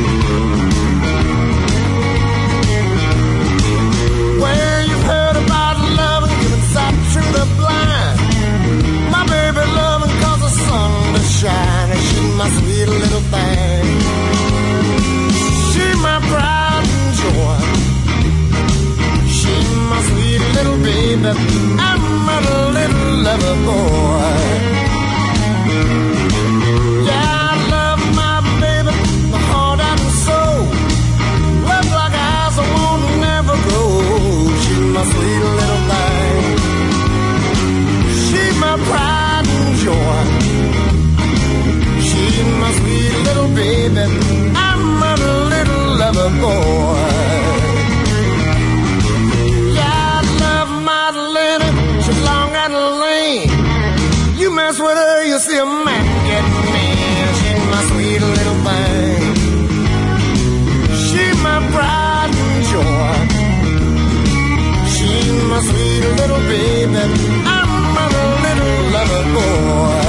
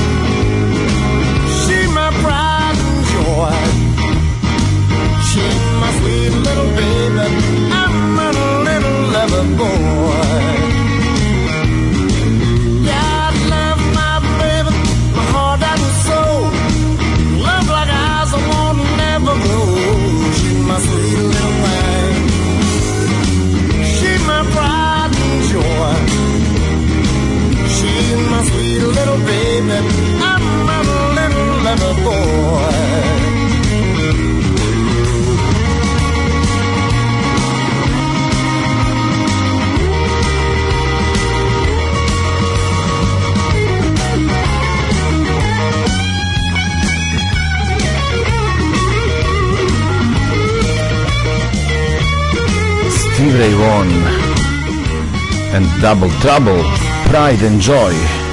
Kad smo već kod tih reči, kao Pride i Joy, tih nekih naših ljudskih, društvenih, iz društvenih nauka, reči, Društvenih nauka, ovaj, da te pitam jednu stvar koju se vreme slu- razmišljam dok te slušam, um, ka- kako ti hendluješ sa, sa tim osjećanjem da, da, da, da ti i još neki ljudi koji, koji to znaju tako jasno razumete neke tako udaljene i velike stvari. To je to čuvena jel, Einsteinova misao da nije ovaj, kako je to neverovatno da mislim više puta dok si govorio si rekao potpuno jasno znamo da je ovako veoma precizno znamo da je ovako mislim kako prosto uh, Slušaj, ali to ti je isto sa drugim stvarima, čekaj, mislim, Kako izvini, se osjećaš? Pa, a, a čekaj, kako se osjećaš, mislim da ti kad kupiš hleba, recimo, mislim, dobro, ajde sad, neću, ne, nemoj se osjećaš lično prozvanim, ali recimo, Slobodno. većina naših ovaj, ljudi, kad kupiš hleba, ti zapravo ne znaš da napraviš hleb. Mhm, I, ovaj, I ne bi znao da ga napraviš, mislim, zove da, mislim, Ne- trebalo bi ti dosta vremena i muke ovaj, da naučiš, ti mislim. znaš to ja ne, ne volim sofiste, ništa, ne, ne, ne, ne pitam te logički, je- nego, nego kako se Pa prosto... ne, ali ja ti kažem, to ti isto to, znači ovaj, zapravo mislim da većina, eh, ajde da kažemo ovako, mislim da eh, ljudski kapacitet, ljudski eh, neki intelektualni kapaciteti se nisu bitno promenili, bez obzira šta ljudi pričaju, ok, sad je bolje ishrana i mislim da manja je smrtnost u detinjstvu, pa onda pojedinačno izabran, nasumici izabran pojedinac ima veće šanse, mislim, zove da dosegne svoje realne kapacitete, ali to ne znači da su sami kapaciteti bitno promenili u poređenju recimo sa antičkim svetom na vamo. E sad, kao što je u antičkom svetu bio Horacije koji je lepo rekao ars longa vita brevis, a to ovako u prevodu znači o, ovako počnemo od kraja život je kratak, a veština je dugačka, pošto ars zaista, mislim, zove je ono latinskom znači sve i svašta, ali može se podvesti i pod umetnost, veština, pa i nauka, mislim, zove se podvodila pod ars. Tako da u tom kontekstu, mislim, da nije to, znaš, radi se o tome da ako ti samo prihvataš na odgovarajući kritički način, mislim, zove ono, to je posljedica naše razumevanje prirode, isto kao i razumevanje, ne znam, pekarstva i drugih stvari, ovaj, drugih, recimo, kulinarskih veština, nije nastalo, ne, ne, ne, počinje ponovo iz početka, nego je nastalo na osnovu jednog dužeg ili kraćeg perioda usavršavanja gde su brojni ljudi jako mnogo ljudi doprinelo našem razumevanju, isto kao što jako mnogo ljudi doprinelo razvitku kulinarstva, pa sad ne mora svako da izmišlja nove recepte i nove, nove jeli, hlebove, kifle, paštete i slično. naslanjaš se na niz, iznova. jel, tako, Ali, to ti To je pomaže. sasvim normalna stvar, Mhm. to je ono što je Newton rekao, mislim, zove, ako, ja, ako sam vidio dalje nego, nego ove prethodnici, to su sam stavio na ramenima džinova, tako da, Mhm. to je, mislim, to je on najpoznatiji, ali i mnogi drugi, mislim, i pre toga je bila, postojala slična Mhm. Te slike, da. metafora. Ajde da kažem. Tako da, m, to je, to je slično i ovde, mislim, da, dakle, Aha, da, ništa od znači- toga, mislim da ništa od toga nije neka tajna. Znači, kao pčele, misliš, tako mi malo razmišljamo. Ima, ima nekih znanja koje jesu, koje jesu tajna iz razno raznih, mislim, dakle, političkih i vojnih razloga, ali srećom, mislim, zove ova astronomska i astrofizička znanja ne pripadaju u, u tu grupu, tako da u tom kontekstu je e, je to nešto što na neki način predstavlja, mislim, za rezultat jednog velikog e, kreativnog napora koji pa u nekom užem smislu reči, mislim, zove traje u poslednjih stotina godina, znači od otkrića, znači od pojave teorije relativnosti pre svega, mislim zove i znači atomske, odnosno atomske fizike u savremenom smislu reči, znači ove, nakon pojave, našeg, nakon razumevanja strukture atoma, a, a dakle u opet u širem kontekstu mislim zove i mnogo starije mislim da ovaj potiče od pošto ništa od tih velikih stvari nije napravljeno u vakumu nego se baziralo na dostignućima prethodnih fizičara, pa i pre toga prirodnjaka, generalno filozofa i slično. Tako da u tom smislu je e, to samo neki prirodni produžetak, mislim, zove toga. E sad, e, ono što na neki način je bilo karakterisalo mudre ljude u svim vremenima, valjda treba da to je, ne, to je nešto što, na što se ne može izbeći, mislim da ni danas u pokušajima da se dosegne mudrost, naravno. Da li nešto, ta, ta Ovaj dosegao, mogućnost... ali kao što Heraklit reče, mislim, zove ko mudrost voli, treba da je u mnogo stvari obavešten. To nije, to je vrlo, pa mislim da to je, to je zapravo, po- to se pogrešno shvata danas, ali mislim da on insistira da zapravo ono što jeste poenta jeste da, da ovaj, početak početak nekog istinskog razvoja, mislim zove u intelektualnom spiritualnom smislu, počinje tek onda kada sakupimo dovoljno, Dovoljno informa- informacije da uopšte, tako je, da. E, to je ono bitno. Ljudi misle da je moguće to obrnuti na opačke. Mislim da mi sad treba da se prvo ono, duhovno razvijemo, pa ćemo onda sakupiti sve informacije koje nam potrebne. A to je pogrešno. I to je Herakles znao još pre da i po hiljade godina. Ne, mislim znaš, na, na tu e, mogućnost e, ljudskog bića da, da takve stvari shvati. Znaš, tu postoji, prosto nameće se jedna neverovatna disproporcija između tako nas, majušnih i, i svega toga o čemu razmišljamo i u kategoriji vremena i prostora i svega. I, ovaj, Pa, ako i se prosto odmaknemo, onda ja, ka, ja, ja kako mislim god... da to ako se odmaknemo, ja, ja, ja ne, e, ono, ne bih mogao da se služim u toj meri, mislim, zove zato što ako se odmaknemo od one marksističke gluposti o prelasku kvantiteta u kvalitet, mislim da je koja SOS sa kojom se vremeno inspira mozak ono, od osnovne škole pa nadalje, onda je jasno da se ne dešavaju stvari tako što se sad, mislim, zove nešto dva put poveća, pa se onda dobije dva put bolji rezultat. Ne, naprotiv, radi se o tome da, znači, radi se o nekakvim e, nekakvim kritičnim problemima, kritičnim veličinama složenosti i usložnjavanja sistema. Znači, ceo svemir je bio jako jednostavan kada je izašao iz velikog praska, danas je jako složen. Između ostalih stvari, njegova složenost se manifestuje U tome mi postojanju posmatrača, u postojanju posmatrača koji su u stanju. E sad, u poređenju sa posmatračima zvezde i galaksije i uopšte astrofizički sistemi su jako jednostavni. Dakle, poenta, Aha, da poenta tu- tu je jeste... proporcija, Znači, da, da, da. poenta, poenta, ovaj, dakle, to jesu da, da, da. neophodni uslovi, naravno, za nastanak. Mislim, pošto je jasno da ne mogu postojati život niti bilo kakvi, a posebno ne složeni oblici života kakvi smo mi, recimo, svakako ne bi mogli postojati bez postojanja strukture koja uključuje nastanak, nastanak galaksija, unutar galaksija zvezda i celu ovu evoluciju, između ostalog i hemijsku, o kojoj smo govorili prošli put, znači tu galaktičku ekologiju. To je neophodan uslov, ali to i dalje ne znači da su da to nisu mnogo jednostavnije stvari.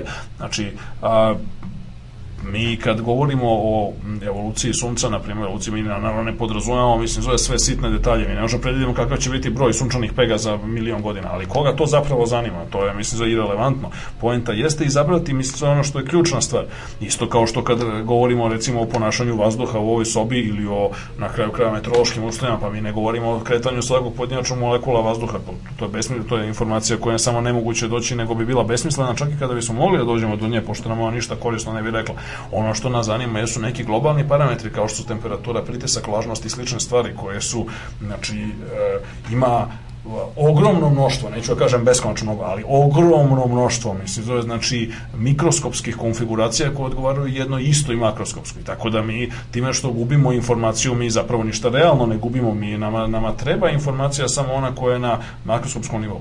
Isto tako, mi ne možemo, kao što rekao, recimo, pitanje mi danas možemo da posmatramo i izmerimo broj sunčanih pegata i Wolfov broj ili kako se već zove, znači ono što karakteriše recimo fine detalje e, sunčeve aktivnosti danas. Ali, mi ne možemo da uradimo da predvidimo kakva će biti broj pega za milion godina, osim unutar neke dovoljno velike margine koja kaže da je jako mala verovatnoća da broj pega izađe bude manji od ne znam 5 ili veći od 50.000 mislim zove ili tako nešto.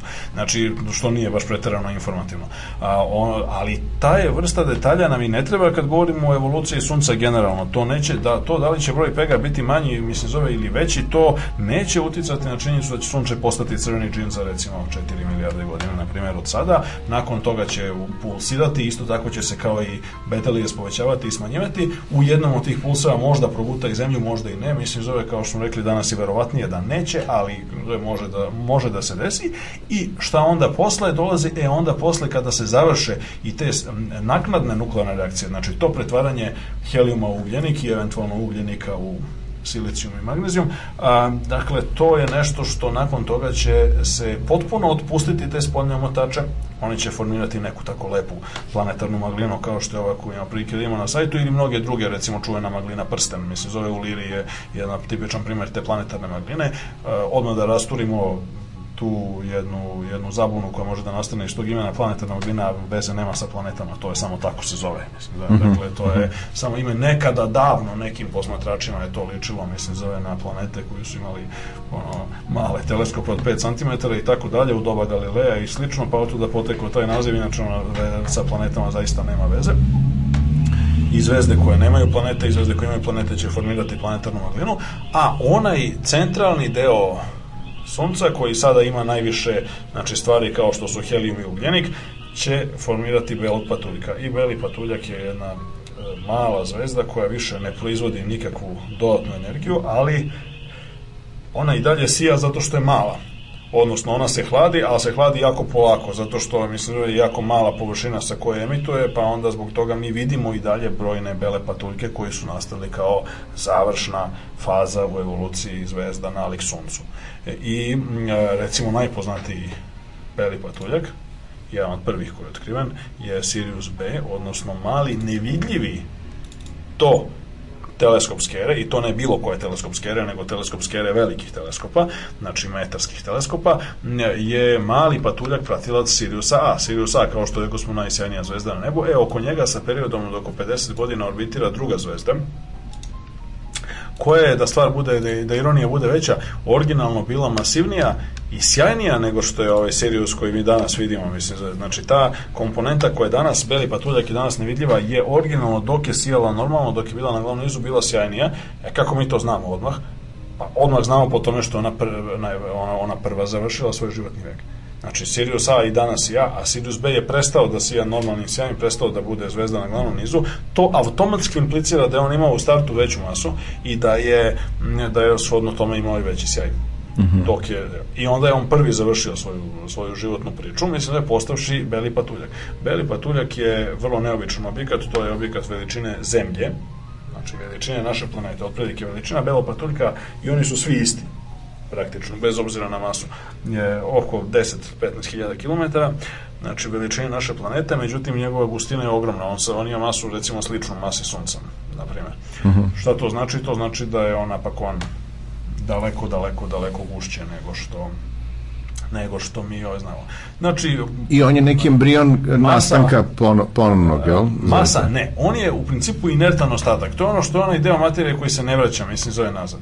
Znači, e, zvezde će tokom životnog veka izbaciti e, jednu vrstu, jednu količinu svoje početne mase u vidu zvezdanih vetrova, drugu vrstu, mislim, zove u fazi crvenog džina kada zvezdani vetrovi postanu mnogo jači, treću vrstu oblasti planetarne magline, neke zvezde, znači sunce ne, nije među njima, ali ove masivnije zvezde, od, recimo veće od 8 sunčevih masa će eksplodirati kao supernove i ona će on izbaciti daleko najveći deo. Ne, ne, a ono što ostane, ostatak, mislim, što ostane, što se ne vraća nazad u međuzvezdani prostor, to je ili beli patuljak, 98 plus posto slučajeva. Mm -hmm. Znači, kod malih zvezda kao što je Sunce, kao što su sve zvezde manje od Sunca i kao što su zvezde veće od Sunca do negde recimo 5, 6, 7 sunčevih masa, će ostaviti za sebe bele patuljke, a jedan mali 2%, 1 do 2% mislim da je zvezda mogu da, koje su velikih masa, mogu da ostave za sebe još bizarnije te takozvane zvezdane ostatke ili ugarke, a to su neutronske zvezde ili crne rupe. Dakle, neutronske zvezde crne rupe predstavljaju završne faze evolucije veoma masivnih zvezda. A završne faze evolucije zvezda nalik suncu su beli patuljci. A, beli patuljak je dakle ekstremno velike gustine, to je ono što je najbitnije. On je to je ta ta degenerisana materija koja čini da recimo otprilike teniska loptica, pa da kažemo teniska loptica belog patuljka bi bila recimo oko 56 tona, mislim, zove težine, dakle imala bi masu, mislim, kao, na primjer, opterećeni železnički vagon. A, I a, to znači da je u njemu, ona i dalje je sastavljena od elemenata, od, od atoma, kako poznamo, ali za razliku od uh, atoma u, normalni, u normalnim, da kažemo, nedegenerisanim oblicima materije, kao što su čvrsto, tečno i gasovito stanje, uh, gde se atomi imaju jako mnogo mesta da se kreću, pa čak i u čvrstom stanju, ono, najtvrđim kristalima, uh, atomi jako mnogo osciliraju oko svojih ono, ravnotežnih položaja, znači kreću sa levo, desno, gore, dole, jako mnogo. Dotle u, i razmak između atoma, čak i u, kažem opet, u kompaktnim kristalima je jako veliki, mnogo veći nego su njihove dimenzije. U degenerisanim masovne materije kakva se nalazi u, u obliku belog patuljka i u šta će se znači, pretvoriti jedan deo mase sunca, a, dakle je a, atomi su praktično nabijeni jedan do druga, mislim, i oni su, oni nemaju mnogo mesta, oni su kao kad uzmete kutiju recimo i napunite teniskim lopticama, mislim, i onda možete malo da je prodrmate, ali napunite je do vrha. Oni mogu malo da se kreću, ali to je jako malo u poređenju, znači e, sloboda kretanja je manja, jednaka ili manja nego što je njihova veličina i to je na nekom smislu reči krajnje gruba karikaturalna definicija definicija Naravno, definicija degenerisane materije je da se ona tako ponaša, mislim da i e, shodno tome, pošto su oni tako gusto nabijani, onda je njihova gustina jako velika, ali oni su i dalje atomi, oni i dalje zadržavaju, e, recimo, hemi, možemo i dalje da govorimo o hemijskom sastavu belog patuljka, pa kažemo da su, ne znam, najmanje, najmanji bele patuljci helijumske, a mogu biti i ugljenični, mislim, zove, odnosno da prevlađuje ugljenik i kiseonik i tako dalje, mislim, zove druge. A šta se s gravitacijom njihovom dešava?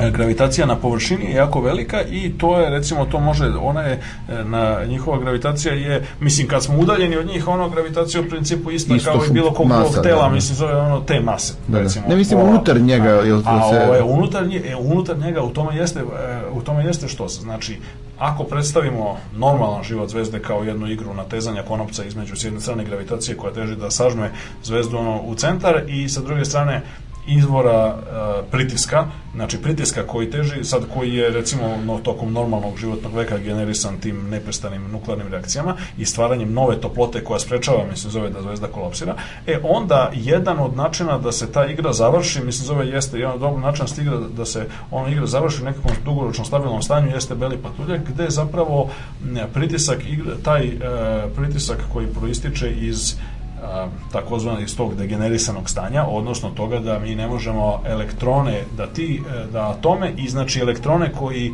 su sada postali zajednički, jer praktično ti, ti atomi više ne mogu da se drže pojedinačno elektrona, nego oni plivaju u moru zajedničkih elektrona od svih i oni ne mogu dalje da se sabijaju.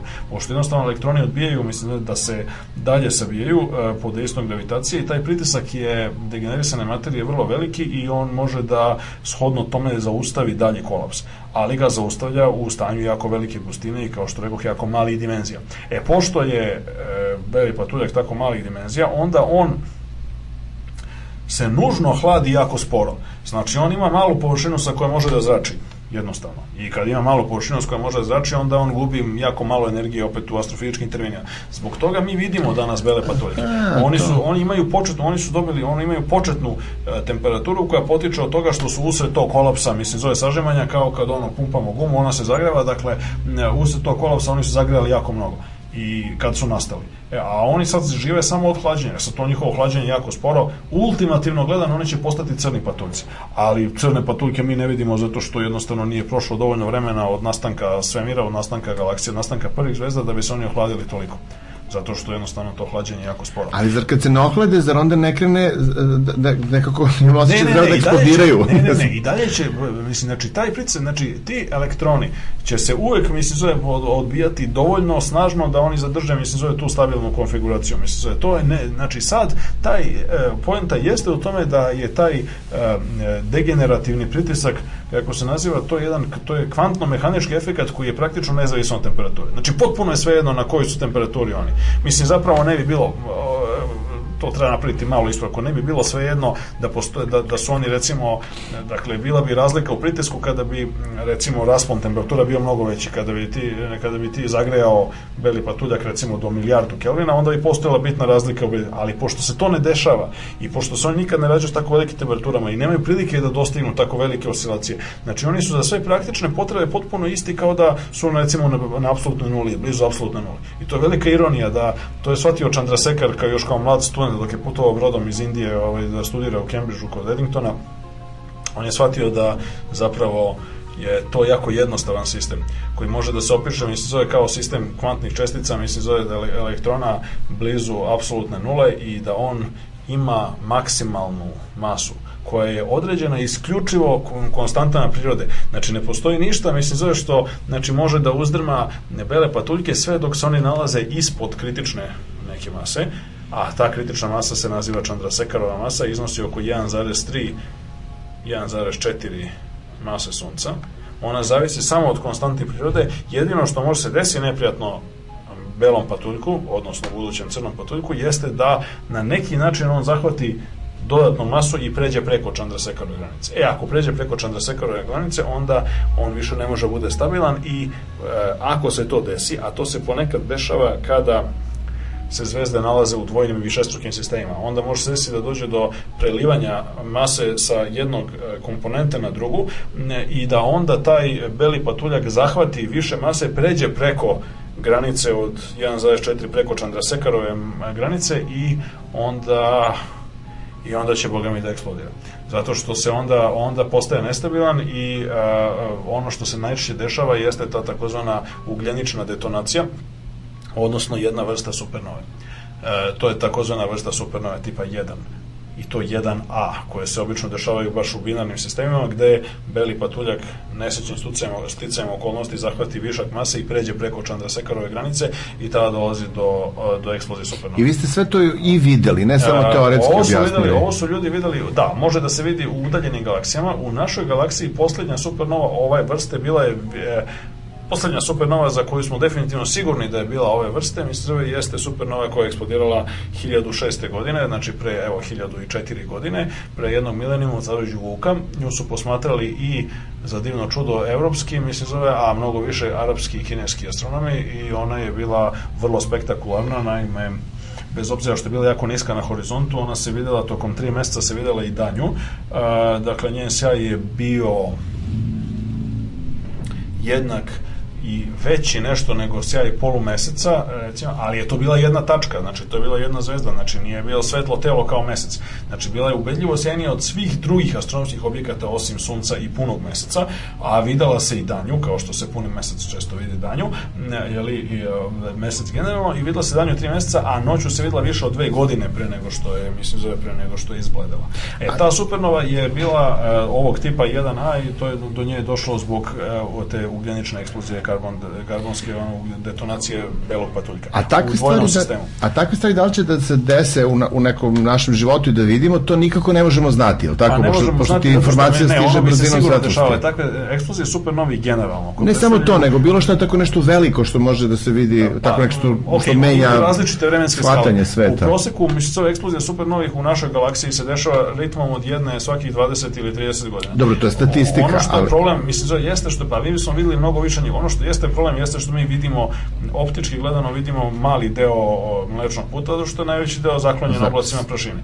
I e, ono što je međuzvezdana prašina nam ometa, mislim, zove vidike, dakle, i onda mi vidimo otprilike negde, recimo, između jedne desetine i jedne šestine e, zvezdane populacije mlečnog puta naše galaksije u optičkom delu spektra. I onda je, onda je to glavni razlog, mislim, zašto mi ne vidimo više supernovi. Inače, Ne, one se pitanje je- dešavaju realno onako vidljivo, mislim, zove se dešavaju tempom od jedne u proseku svakih e, 150 do 200 godina, te koje su vidljive golim okom. Ova poslednja je prilično okasnila, zapravo poslednjom za koju smo sigurni da je bila supernova u našoj galaksiji je posmatrao Johan Kepler 1604. godine u sadređu Zmijonosca m, i e, ono što svi ljudi kažu, bilo je, do duše ima jedan kontroverzni slučaj kasnije iz 18. veka za koji nije sasvim jasno da li je bila supernova ili ne i da li je posmatrana ili ne. Mm, E, e, ono što, to je onako jedna onako mala zagonetka iz istorije Da li je nauke. supernova ili A- LSD? A ono što je ono što je jasno jeste da bi e, sledeća vidljiva galaktička supernova bi trebalo da usledi uskoro. Sad.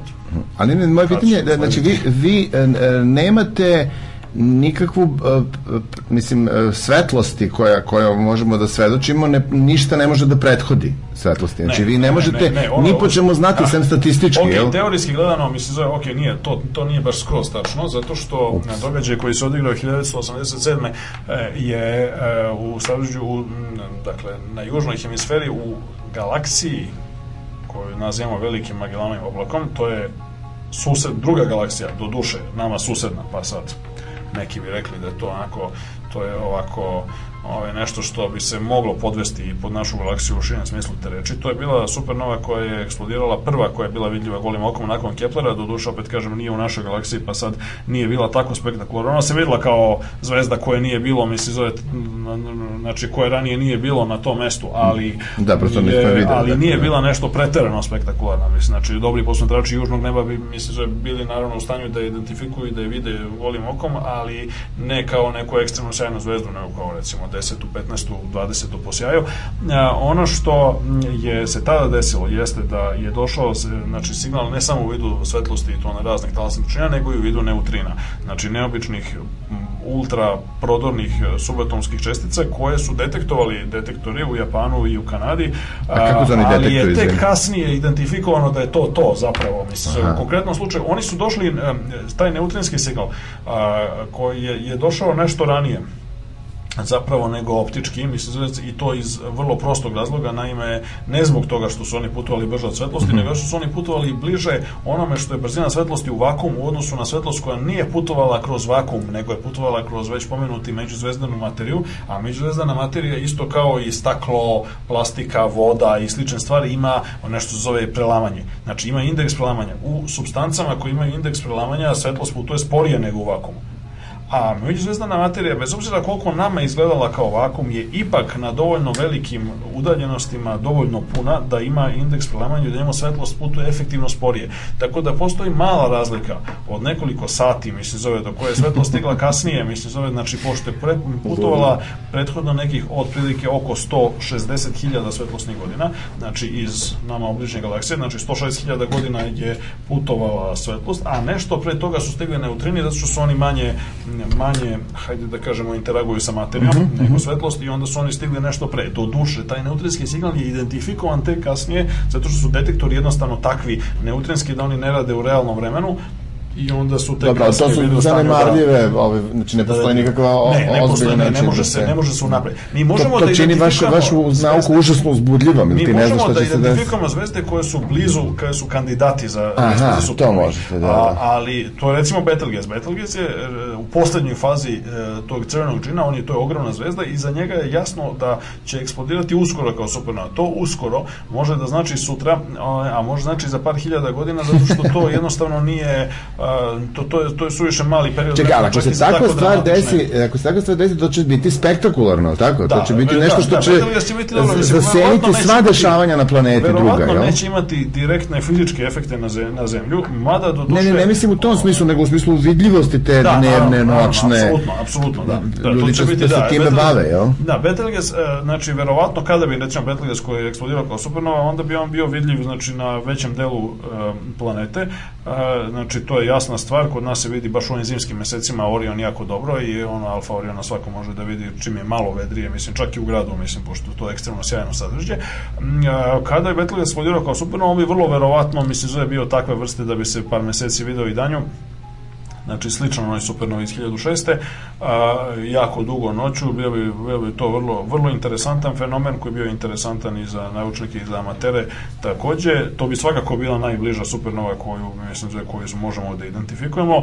Opet kažem, kad će se desiti, mislim, zove, ostaje, ostaje da se vidi. Ali na To neki može način da se, da može se- desiti sad, jel? Može, vrlo Da. moguće da ono što se sad ne, dešava je da lansiranje, eksplozija ovo. Zapravo, zapravo vrlo moguće da je do eksplozije već došlo. zato da, što- da, naravno. Da je ovaj taj Koliko je on daleko? realno gledano oko 500 svetlosnih godina, znači oko 500 godina Mhm. putuje svetlost. M, Realno tako da moguće da je 500 došlo i da manje u nekom više. trenutku, mislim zove u nekom trenutku ovaj u narednih 500 godina da će m, da, da ćemo to vidjeti. Ono što je jasno jeste da e, znači civilizacije koje su dugo posmatrale kao što su recimo kineski e, koje astronomi koji su imali jako dugačak e, jako dugačak period na osnovu kojeg su mogli da izvuku statističke zaključke, oni su zaključili da u proseku ta vrsta dramatična eksplozija, oni su znali da razlikuju supernovu od recimo obične od klasičnih novih, to su manje eksplozije koje mogu da se ponavljaju i znali su da razlikuju od drugih stvari kao što su pojave kometa i šta ja znam. Mm, e, dakle, oni su konjukcije planeta koje ponekad zbunjuju ljude. Kad se dve planete nađu jako blizu na nebu onda ljudsko oko ne može da ih razdvoji. Dve planete recimo Saturn i i Jupiter ili Mars i Jupiter i tako ljudsko oko ne može ih razdvoji onda izgleda kao da je abnormalno svetlo telo a zapravo su to dva tela koje je samo dovoljno blizu na nebu. A, a i tako druge stvari međutim ozbiljni astronomi čak i be- preteleskopske ere mislim kao što su bili kineski su mogli to da razlikuju. I oni su ostavili dosta dobre zapise o supernovama tokom poslednjih 4000 godina otprilike 3 do 4000 godina iz kojih vidimo da u proseku znači očekuje se jedna ta sjajna optički vidljiva supernova na svaka dva veka pošto je kao što rekao ova poslednja okasnila prilično evo već 400 i nešto godina od, od ove poslednje onda je na čisto statistički gledano verovatno će se to desiti uskoro ali kad nema načina da se predvidi iz prostog razloga što se radi o dovoljno velikom znači ima, imamo e, suviše e, mnogo zvezda koje se nalaze u raznim fazama evolucije tako da to je isto kao i mislim zove možemo predvidimo statistički mislim zove kolika će biti ono, smrtnost ljudi na kraju krajeva ali ne možemo da kažemo precizno predvidimo kad će pojedinac čovjek XY Tako je, da. osim kad ne dođe baš u tu terminalnu fazu fazu da ako, e, to isto bi mo- mogli da uradimo kada bismo imali zvezde koje bismo posmatrali baš izbliza sa, mislim zove sa, tako da možemo recimo da sa nekakvim, e, na primer, ubrzanim fast forward, mislim zove da možemo da posmatramo tačno one faze u realnom vremenu šta se dešava, mislim zove na svakih recimo 100 godina ili 500 godina u evoluciji zvezda, onda bismo mogli verovatno predvidimo i kad će doći tačno do eksplozije, ali to još nije nije, nije slučaj. Mislim da dakle ne možemo sa tolikom pouzdanošću da, da razvijemo tako pouzdane modele za ovaj relativno kratak interval vremena koliko postoji nauka. Ne treba zaboraviti da je nauka jako nova stvar i onda mi ne možemo očekivati da će s prirodne vremenske skale koje traju recimo hiljadama, milionima pa i više godine da se prilagođavaju tome što nauka je to sakuplja posmatranja ozbiljno tek u zadnjih recimo 200 godina. Da, znači, da, nauka je znači, mlađa od mogućnosti da je ta ovaj, eksplodirala, taj, Pa, taj crni džin da je eksplodirao. tako, da. mislim, da, tako da to na neki način treba uvijek da stavljamo u stvari u taj kontekst mislim, koji ne, da, da su mnoge stvari mi vidimo na osnovu toga što mi izlačimo statističke zaključke, a ne zbog toga što mi možemo jedan isti fenomen da pratimo zaista Ali realno, beskrajno u uzbudljiva ove činjenica da, da, da, da, da znači, ljudi veoma pažljivo posmatraju celu tu nebo i imaju dosta čvrsta mišljenje, mislim, zaključko svemu tome, a da u svakom trenutku može da se desi e, neka dosta krupna promena koju ti ne znaš, a, koje se, a za koju znaš da se već desila. Pa dobro. Pre nego što ti vidiš. Na neki način to, to jeste ovaj, Samo jedan od, to jeste jedna od interesantnih stvari u nauci.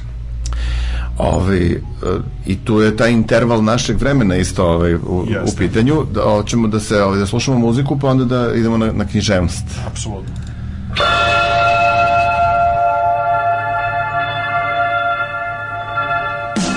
Got a black magic woman. I got a black magic woman. Yes, I got a black magic woman. Got me so blind I can't see. But she's a black magic woman and she's trying to make a devil out of me. Don't turn your back on me, baby. Don't turn your back on me, baby. Yes, don't turn your back on me, baby. You're messing around with your tricks. Don't turn your back on me, baby, cause you might just break up my magic stick.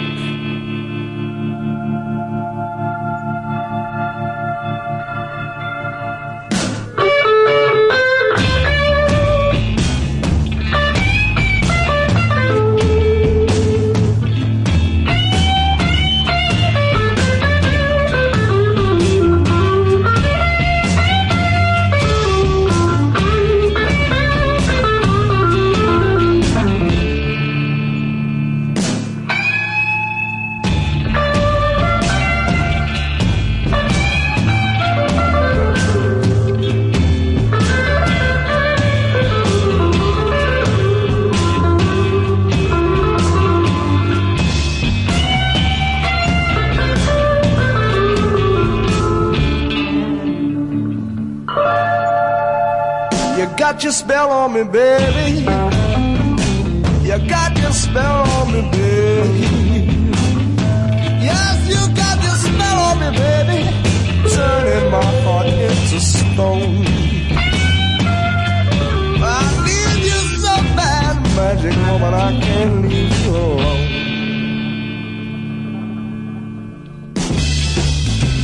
Yes, I need you so bad. Need you, darling. I need you, darling. Yes, I want you to love me. I want you to love me. I want you to love me. Oh, yeah. A Black Magic Woman, Fleetwood Mac, Peter Green. A mi se vraćamo um, spektakularnoj emisiji Radio Galaksija na Radio Beograd, koja se uvek, to znaju svi koji nas redovno slušaju, završava jednim naizgled diskursom iz uh, bavljenja naukom, ali ko to pažljivo i dugo sluša može da tu ovaj, dođe do objašnjenja šta to sve tu povezuje, a to je Milanovo predstavljanje jednog pisca jedne knjige. Jeste, ja sad ovaj put su mi sticajem okolnosti relativno lepih, eto imamo zadovoljstvo i da predstavimo i dva pisca, ale, od, Da. koji su vrlo različiti, mislim, vrlo, dakle, različite one, porekla osobina pa i sudbine. Ove, to su Frederick Paul i Cecil Cornbot. E, ajde da počnemo, mislim, zove od ovog prvog koji se obično prvi navodi, mislim da je kao autor pomenute knjige, koje je kod nas srećom, mislim, zove inicijativom nekog od ranih prevodilaca i izdavača ova knjiga je imala nekoliko izdanja i na srpskom a, je dobila sjajan sjajan prevod dakle pod nazivom Reklamokratija. E, e, dakle Reklamokratija je napisana originalno 1953 a njeni autori su bili kao što rekao Frederick Paul i Cecil Kornblut.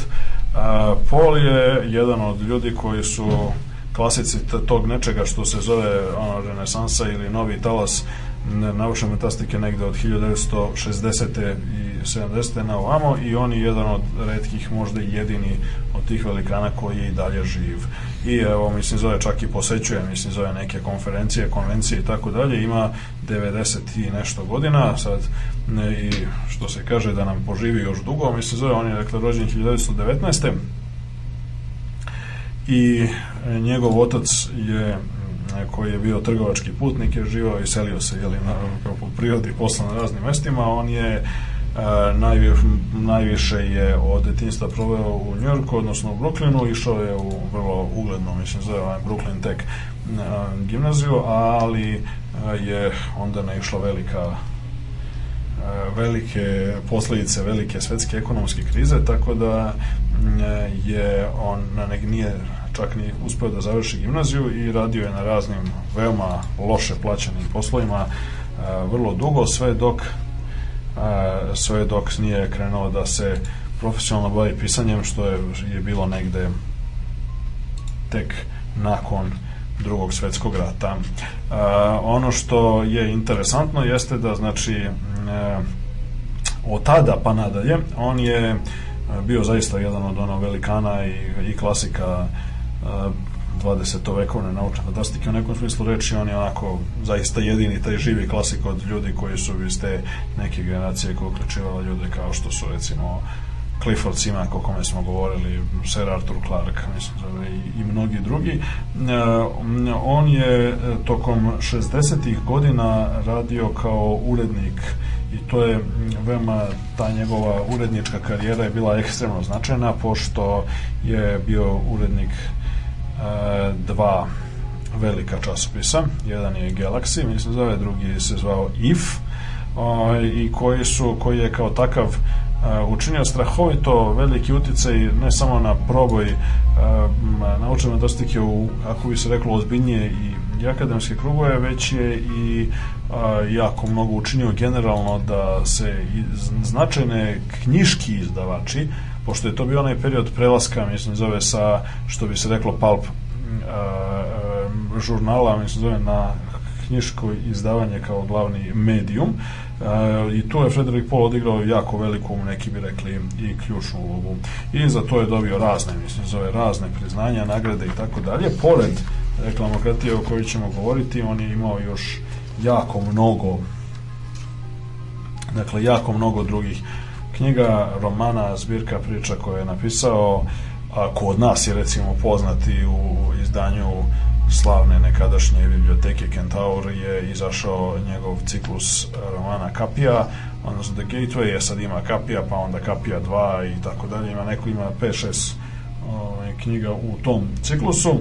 A, i čitav niz, mislim, zove drugih stvari koje je radio, praktično sve negde do 2008. mu je, odnosno pretprošle godine došla posljednja knjiga, a možda ćemo uskoro videti i nešto novo, pošto kao što rekao, on je ne samo živ, već je i prilič, prilično, posebno za te godine, mislim, zove jako aktivan. Između ostalog, ono što je zanimljivo jeste da o, je, eto, ima nekih ženio se čak pet puta, mislim zove, ima ovaj, ima šestoro dece i ima gomilu unuka i tako dalje, ovako dosta čovjek, mislim, zove sa jako velikom porodicom i onako jedan onako vrlo miran i, i prilično prilično ovako plodotvorna, plodotvorna stvaralačka karijera. Nasuprot tome, njegov koautor Cecil Kornblut je, ah, čovjek nije, nije moglo biti drugačije, on je mlađi od njega četiri godine, 1923. ali nažalost je preminuo u 34. godini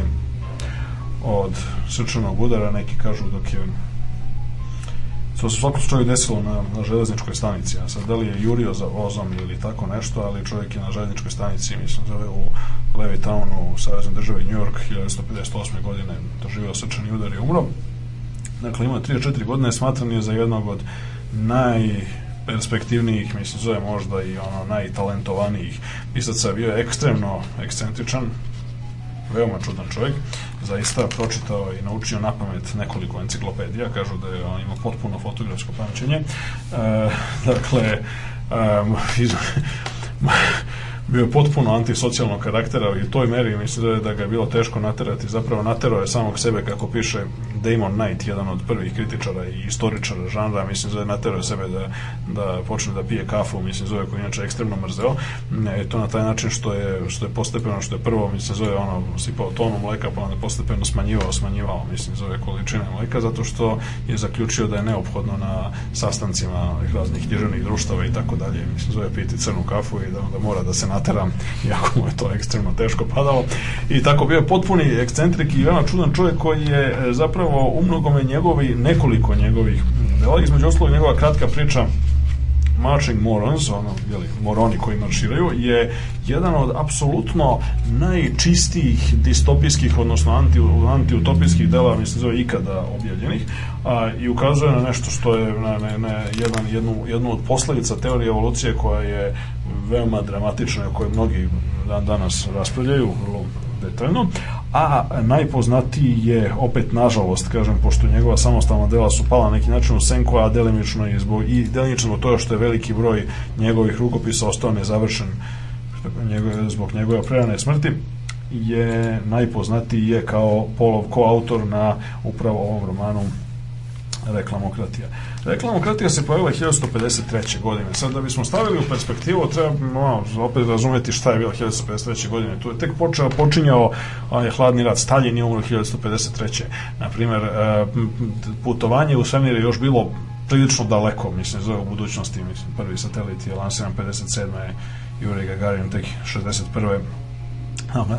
A, ono, međutim, onaj svet koji su Paul i Cornwall stvorili u ovoj krajnje uznamirujućoj knjizi je međutim i tekako aktualan i danas. Uh, ono što već i samo ovaj odličan zaista zaista srpski prevod uh, već samog naslova nam govori o čemu se tu radi. Ono što je interesantno jeste da ta knjiga je doživljena kada se pojavila a, kao ekstremno distopijska, ekstremno pesimistička, ekstremno negativna. Mislim, a mi je živimo, da. Ovaj, a između ostalog, recimo, jedan, jedan od koncepata koji je koji je tada smatran kao a, dramatično i ekstremno cinično preterivanje jeste da će postojati ljudi, mislim zove čiji će životna karijera, mislim zove se sastojati u tome da ispiraju mozak, ali tako da se izrazimo ovako pojednostavljeno, ovaj, narodnim masama, mislim, zove smišljajući ovaj, sve podmuklije i podmuklije reklame koje će zaobilaziti istinu u nekom proizvodu, ali e sad, to je u to vreme, znači 53. doživljeno, mislim, zove kao jedno, sad možemo, sad to treba zaista staviti u kontekst svih ovih današnjih reklamopisaca, raznih kreativnih i nekreativnih, obično direktora, urednika ministra, i tako dalje. Ministra nauke. Ovaj, raznih, mislim, zove, ovaj, znači, danas imamo štabove, organizacije, e, firme, sekte, da ne kažem prosto, Ciljna koje se, grupa, koje se bave, koje se bave time.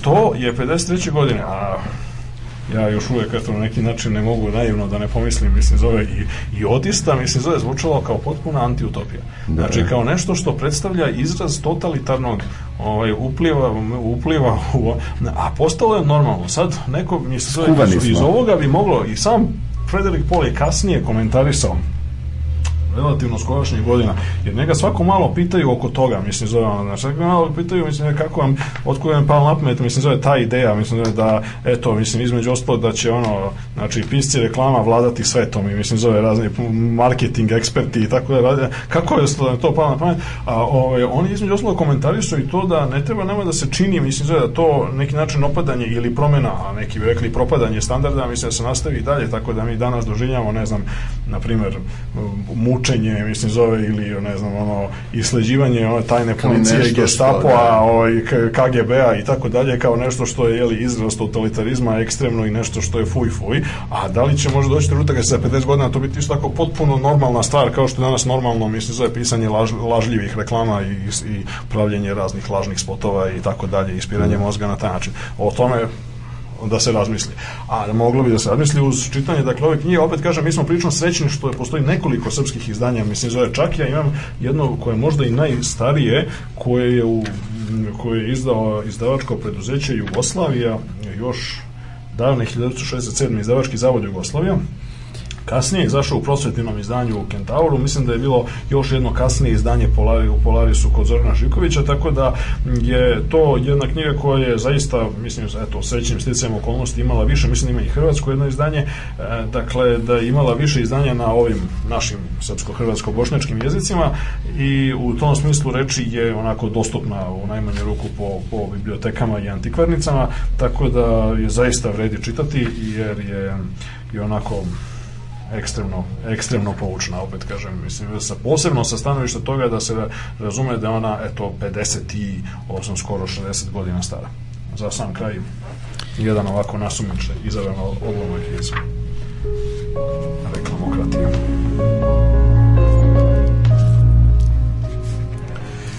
Posle nedelju dana posao je krenuo. Pošto sam se otarasio Ransteda, koji je bio zauzet borbom sa američkim ginekološkim institutom oko preparata antiveba, mogao sam konačno da uzmem sve uzde u svoje ruke. Tildini momci i devojke su sastavili odlične tekstove. Međutim, radili su to vrlo sporo. Kad kad bi sa mukom sročili jedan red za ceo dan. Kad kad bi izbacivali stranice i stranice zacakljenih očiju kao da su začarani. Ona je režirala i sađivala njihove radove, meni je slala samo najbolje. Radio reklamne tekstove u trajanju od 9 minuta, članke, feljtone, oglase, krilatice za proturanje, viceve, rimovane pošalice koje ćemo pustiti u promet. Odeljenje za vizualnu reklamu je radilo punom parom. Crtači i kamermani su se zabavljali vajanjem planete. To je bio poslednji krik u reklamiranju po sistemu pre i posle, a njih je zahvatio neobičan smisao za istoriju. Odeljenje za razvoj pak je stvaralo čuda. Kad sam jednom primetio Kolijeru da je možda isuviše veliki optimista, on je odgovorio, energija je glavno, gospodine Courtney. Vidite, recimo Venera. Venera ima energiju, ona je bliže suncu. Sunce obasipa energiju. Na zemlji nam tako jaka energija nije pristupačna. Mi koristimo vetrenjače da bismo izvukli energiju atmosfere. Na Veneri ćemo koristiti turbine. To je nešto sasvim drugo. Odeljenje, međutim, za industrijsku antropologiju i istraživanje tržišta radilo je u San Diego, opravavajući uspeh tildinih propagandnih tekstova. Imao sam direktnu telefonsku vezu sa Hemom Harrison, Ranstedovim zamenikom u San Diego. Dani su sada redovno počinjali najpre sastankom oceka za Veneru, prvo bih ja održao kratak govor, zatim bi svaki od saradnika podneo izveštaj o napretku, zatim bi usledile primjedbe na koordinaciju među odeljenjima. Haris bi eventualno telefonirao da krilatica, kao što je kristalna atmosfera, ne prolazi dovoljno dobro i da bi trebalo da pošalje nekoliko drugih. Tildi bi upitala Kolijera da li može da upotrebi izraz topazni pesak u svom članku, čime bi se nagovestilo da je ta Venera, nasuprot onome što bi ljudi očekivali, puna nebrušenog, dragog i poludragog kamenja.